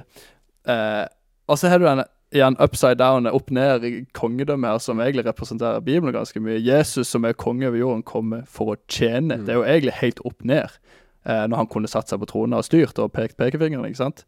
Og det virker litt sånn der eh, Det at en, en tredjeklassing da som har det hierarki, den rollen, den stillinga, at eh, jeg skal komme helt sårbar, og at dette er det jeg sliter med, og helt inn under da en førsteklasse, og det tjener jo da egentlig en førsteklassing. Hva Ja, det er innsiktsfullt, og det er det som er så fantastisk. Eh, ikke sant? Kongesønnen har, eh, Menneskesønnen har ikke kommet for å la seg tjene, men å gi seg selv til løsepenger. ikke sant? Det, det er opp ned, som du sier, da. Så, så Gud kommer ned og er tjener. En, en tjenende leder. Tjenende konge. Og hvis de som er på toppen, tjener de laveste, så får du, da får du det Bibelen kaller? Et, et riktig samfunn. ikke sant? Og, og, det er jo sånn Gud opererer, og det er så fett. Og når du ser det, da? For hvis du tar en, en, en ungdomsskole, en helt eh, gjennomsnittlig ungdomsskole, så ser du tiendeklassingene er kongene.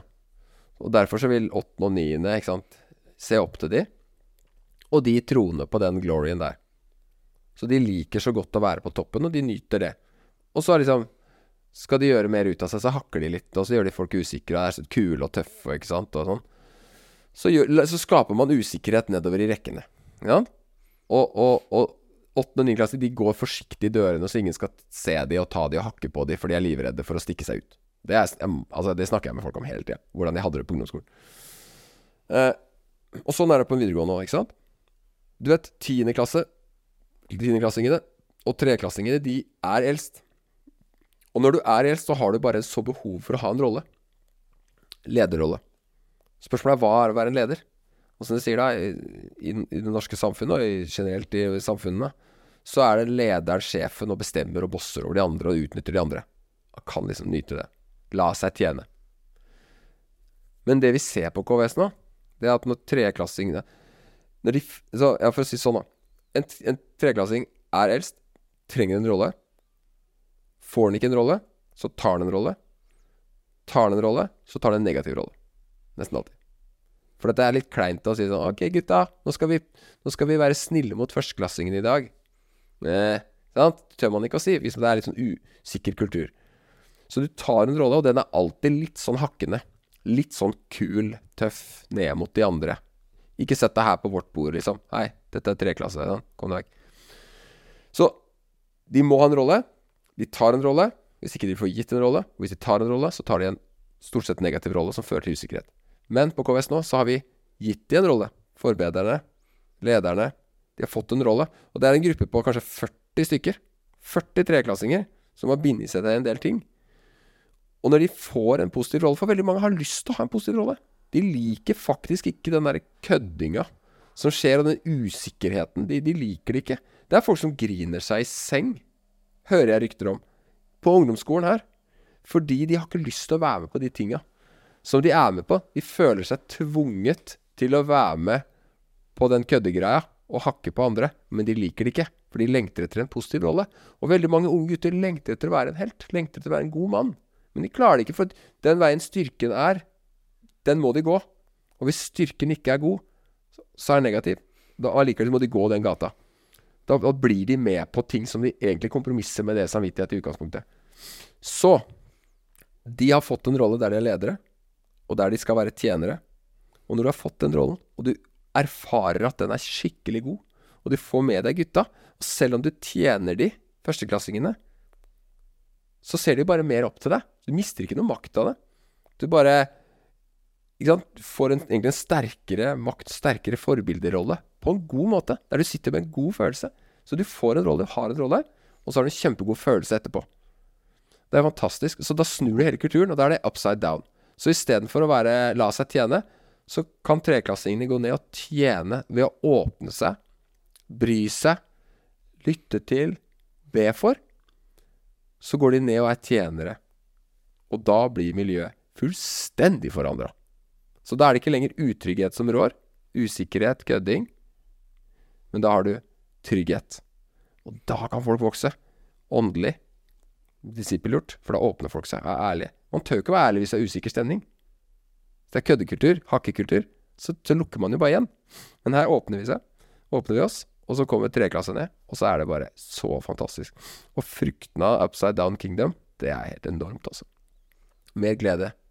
Mer eh, morsomt, mer kreativitet. Folk åpner, folk tør å være seg selv. Da ser du alle de originale personlighetene komme fram fordi de er trygge. Mm. Da begynner det å bli gøy.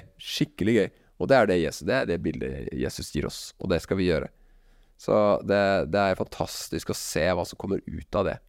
Mm. Altså det krigerne på en måte har gjort, er å, å disiplinere menn til å være Eller gutter til å være menn, Mm. og til å ta lederskap og lede i den, på den tjenende måten Mm. som Jesus viste oss først, da. Mm. Og så har ringvirkningene av det bare eksplodert, egentlig, Helt klart. På noen få år. Ja. Og nå sprer det seg utover Norge og på andre skoler i tillegg. Ja. Altså, du Ja. sender jo disse krigerne da ut i, eh, ut i misjonsfeltet, ut i verden, ut i studiestedene, ut, i, Mm. overalt, på en måte. Og det er jo eh, det er en kul ting. Ikke nødvendigvis at det er på deg, men det er jo på Gud som har brukt der, det, da. Og det er jo litt det der eh, Ja, gå i tro, egentlig, som podkasten handler mye om her. Det er jo enkel trosting og selvdisiplin, nesten, eller lydighet, kan Gud gjøre ekstremt mye med. Amen. Og jeg kjenner jo bare Fra starten, da jeg fasta og fikk svar fra liksom, til krigerne, så bare har jeg bare visst at ja, men det her er ikke mitt. Jeg er med på det. Men jeg gleder meg til å se hva Gud vil gjøre med dette. Men jeg er med. Jeg er gjerne, sant Ta min rolle i det. Men det er Gud som har laga dette her. Det er Gud som har gitt oss nøklene. Så nå er vi jo rundt, og nå sprer det seg, og det funker superbra. Jeg fikk, vi kickstarta en krigergruppe på Tryggheim videregående skole på Nærbø her om dagen. Og når jeg gikk inn der og skulle tale til den gjengen der og sette i gang det, så fikk jeg melding fra eh, en kar som har starta dette på, på Framnes videregående skole. Og han skrev bare Vi er overveldet Nå har vi hatt tre samlinger med krigerne på Framnes. Vi er overveldet av hva Gud gjør. Vi har gått i ferdiglagte gjerninger. Det var sånn Gutta åpna seg. Lederne funker. Takk Gud. Takk for dere. Sant? Fantastisk. Så dette funker. Vi må ta maskene. Vi må, vi må kjønnsdele. Ta av maskene. Bekjenne synd. Åpnes for hverandre. Og tjene hverandre. Så er det bare helt vanvittig hva Gud kan gjøre, ass. så crazy eh, hvordan Gud kan lage et enkelt konsept som vi bare kan enkelt følge, Mm. og som gir avkastning Amen. i egentlig alle aspekter av livet. Og alt er jo bibelsk. Vi visste jo egentlig alt dette fra før av. Hvordan kunne vi glemme det? Det er tilbake til den der eh, bruksanvisninga, Ja. rett og slett. Enkelt og greit. Så det som skjer på videregående nå, er at uh, gutter egentlig lærer seg å bli menn, da. Egentlig.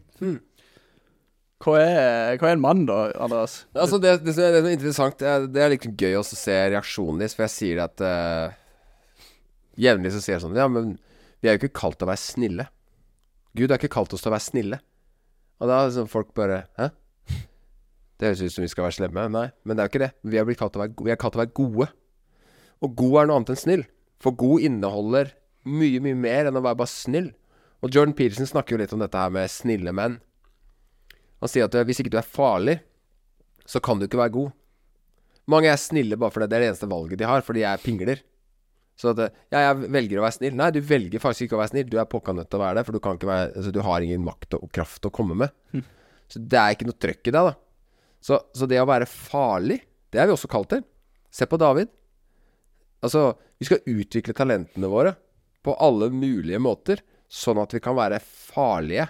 Og det vi kunne brukt til en vanvittig ondskap, velger vi å bruke til godt. Kun da kan du si at du er en god mann. Når du har en, et potensial til stor ondskap, stor eh, ja, makt inni det, så bruker det heller den kraften din til å være god. Så har du faktisk valgt. Sant? Hvis ikke du har noe kraft, så kan du på en måte ikke gjøre så mye galt eller godt, hvis du skjønner. Eh, så det syns jeg er veldig kult poeng, da, som folk bare Ok, god er noe annet enn snill. Og altfor lenge så har vi menn i Norge, å, i Vesten, vært snille. Og det er jo kjempetrist. Så, så Gud kaller oss til å være kjærlige, ydmyke, men også farlige. Og det er jo kjempespennende, syns jeg. For da, da våkner jo mannen, ikke sant, og bare Å ja, er, tuller du med meg? Er det sånn? Oi, ok, visste jeg ikke. Trodde jeg bare skulle være snill og spise kake. Nei, nei. Skal være farlig og gjøre en forskjell. Så hvis jeg, hvis jeg nå har kjempelyst til å bli farlig, Mm. hva, hvordan eh, blir jeg det, da? Det- Pushups, Det er Bibel og Ja, pushups. Bibel og pushups. Ja, men så Det har jo vært min eh, retning. Ikke sant? Bibel og pushups har på en måte vært en måte for meg å skaffe meg Eller bygge min makt og kraft og styrke. Ikke sant? Og ikke bare for min skyld, ikke sant? Men, men for å bruke det til godt. da Du kan tenke deg en soldat som, som er ubrukelig fordi han ikke gidder å trene. Som skal inn i et gisseldrama. Det er jo fare for seg selv og andre. Altså Noen soldater som sant? De, er, de er jo ikke De er så trigger-happy og og så urutinert med våpen at de kan bare skyte deg rett i bakhuet. Det er på, det, på de sin side. Men så har du noen som trener masse, og som virkelig legger vekt i det, og som har en enorm kraft til å gjøre enormt mye godt. Og det som kanskje frustrerer meg, det, det er et kjempepunkt for frustrasjon for min del. Det er kristne som er late på jobben, f.eks. Og det er ikke det at jeg, min moral alltid på jobben er 100% men det er sånn Jeg hørte en fyr som fortalte Ja, jeg kjenner noen kristne. Dette var noen taxisjåfører. Og, og de to kristne To på jobben der som er kristne. To som han kjenner. Og de to kristne, det som kjennetegner de, det er at det er de lateste folka. De går tidlig, kommer, eh, kommer seint, og de kutter i svingene og virkelig har, viser dårlig moral foran de andre. Og det er vi skyldige i alle. Så det er ikke det. Men å la det være en greie at kristne er kjent for å være noen tullinger som ikke gjør jobben sin Vi skulle være kjent for å være de dyktigste. De mest kreative. De flinkeste på fagfeltene våre. Og virkelig komme inn og, og bruke og skape en enorm kraft. Bygge oss selv som ekstremt rå eh, arbeidstakere og profesjonelle i alle settinger. Så vi kan peke på Jesus med integritet, og at vi kan bruke den kraften til å hjelpe folk. For det er jo det egentlig Det frie marked handler jo egentlig om å hjelpe andre med problemer. Og der burde jo vi virkelig være ledende, ikke sant? Istedenfor så er de kristne bare snille og, og, er komfortable og redde for å ta plass, ikke sant? Og ja, men det er jo ikke så farlig, fordi vi har jo nåden, ikke sant? Mm. Og det så, så viktig som det er å forstå nåden, så er jo Den er jo gratis, men den kosta Jesus alt, ikke sant? Så det er sånn der misforstått nådeforkynnelse som fører til latskap. Og det er jo bare helt forferdelig. Og da å, Jeg snakka med en kar på badeland. Det ble jeg stående og prate med i garderoben. Og så sier han ja, lærere og kristne, det er de verste folka. Han var snekker, da. For lærere de bare henger over skuldra. De har all verdens tid til å følge med på deg, for de har så mye fri. Så de henger over skuldra di og ser på hva de gjør, og tror kan, tror de kan bedre enn deg. Og, og kristne de betaler ikke for seg. Det, Og så det sitter du Ja, jeg er lærer og kristen, liksom. Det var sånn der smell, da. Det var bare sånn Og så tenker jeg bare Ja, hvis det er sånn, og jeg snakker med så mange ateister, agnostikere, som bare Kristne er de verste folka. Så det var en fyr som jeg snakka med, som sa sånn Andreas, du er skikkelig flott fyr. Så jeg tenkte, du kan jo ikke være kristen. Hæ? Kan du tenke deg hvor ille det har blitt? Mm. Så eh, altså, vi har bare vært så dårlig på å peke på Gud med integritet og eh, ydmykhet, eh, kjærlighet, ikke sant? At vi har bare Vi er noen snille tufser som tasser rundt og kikker i bakken og, og snyter på skatten og, og er, liksom Er skygger av det vi skulle vært. Men lignelsen om talentene er jo tydelig, ikke sant? Du har fått noe, du skal utvikle det. Uh, og, og hvis ikke du vil utvikle, så skal du i hvert fall dele det med andre, ikke sant? Så de kan videreutvikle og bruke det du har. Og det er sånn et ansvar vi har for å bli farlige og gode. Og vi må jo være klar over at vi representerer jo Gud Mm. av, Altså en som ikke leser Bibelen, en som ikke ser. Altså, vi representerer jo Gud Mm. til disse folkene. Mm. Vi er den eneste Bibelen de leser, Amen. fram til de velger å lese sjøl. Og da er det jo som Jeg husker når du sa dette første gang, at det tra- slo meg rett i trynet. Det der at eh, du skal faktisk være best i alt. Ja. Faktisk. Ikke at det er mulig sånn sett, men du skal streve etter å representere Gud på best mulig måte. Mm. Og den eh, pusher meg forhåpentlig Eller prøver å pushe meg med den hver dag, nesten. Veldig. Ja, samme her, ass. Og det er noe vi strekker oss etter, som vi feiler på. Hele tida. Og da må vi være ydmyke i det. Mm. Men vi skal søren meg jakte etter det. Mm. For det er å ære Gud og hjelpe mennesker, og det har vi kalt det.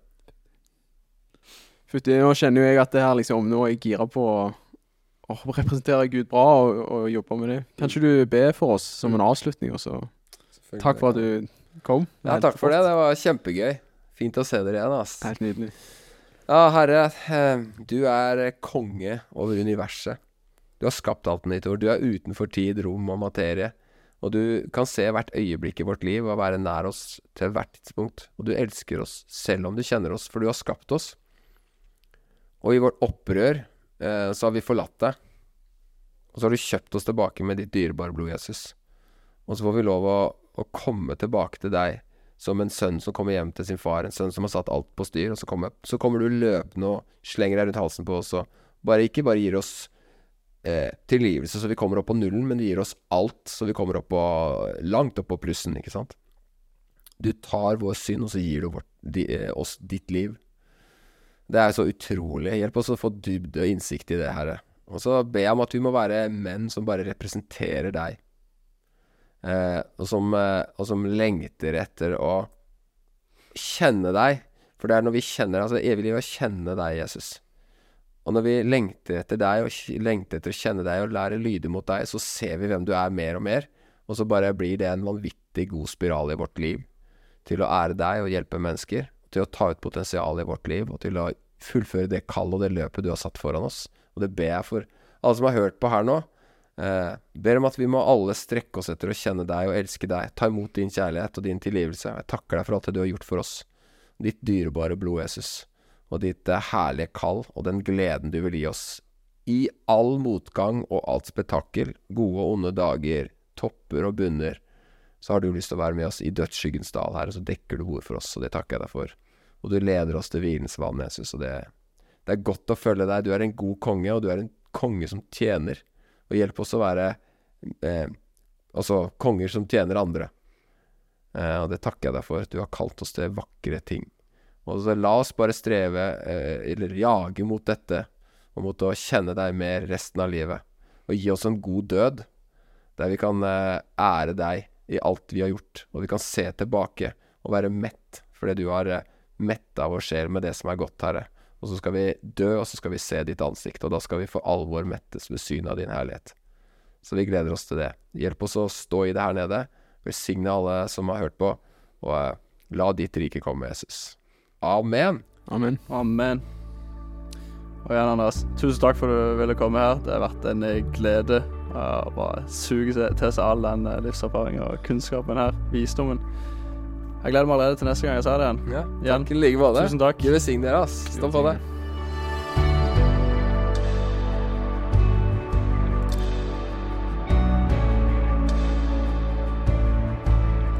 Hjertelig velkommen til Blingskott. Her sitter jeg med Endre og Daniel. Helle. Hallo. Hyggelig. Velkommen til dette kottet. Takk. takk. Godt å være her. Ja, takk. Det er, godt, eh, det er et godt kott. Mm -hmm. uh, dette var jo en syk episode som vi eh, akkurat har hørt. Gode og- to timer. Gode to timer. Mm. Og dere besøkte jo Skjøndal igjen, fikk eh, møtt han. Mm. Hvordan var det?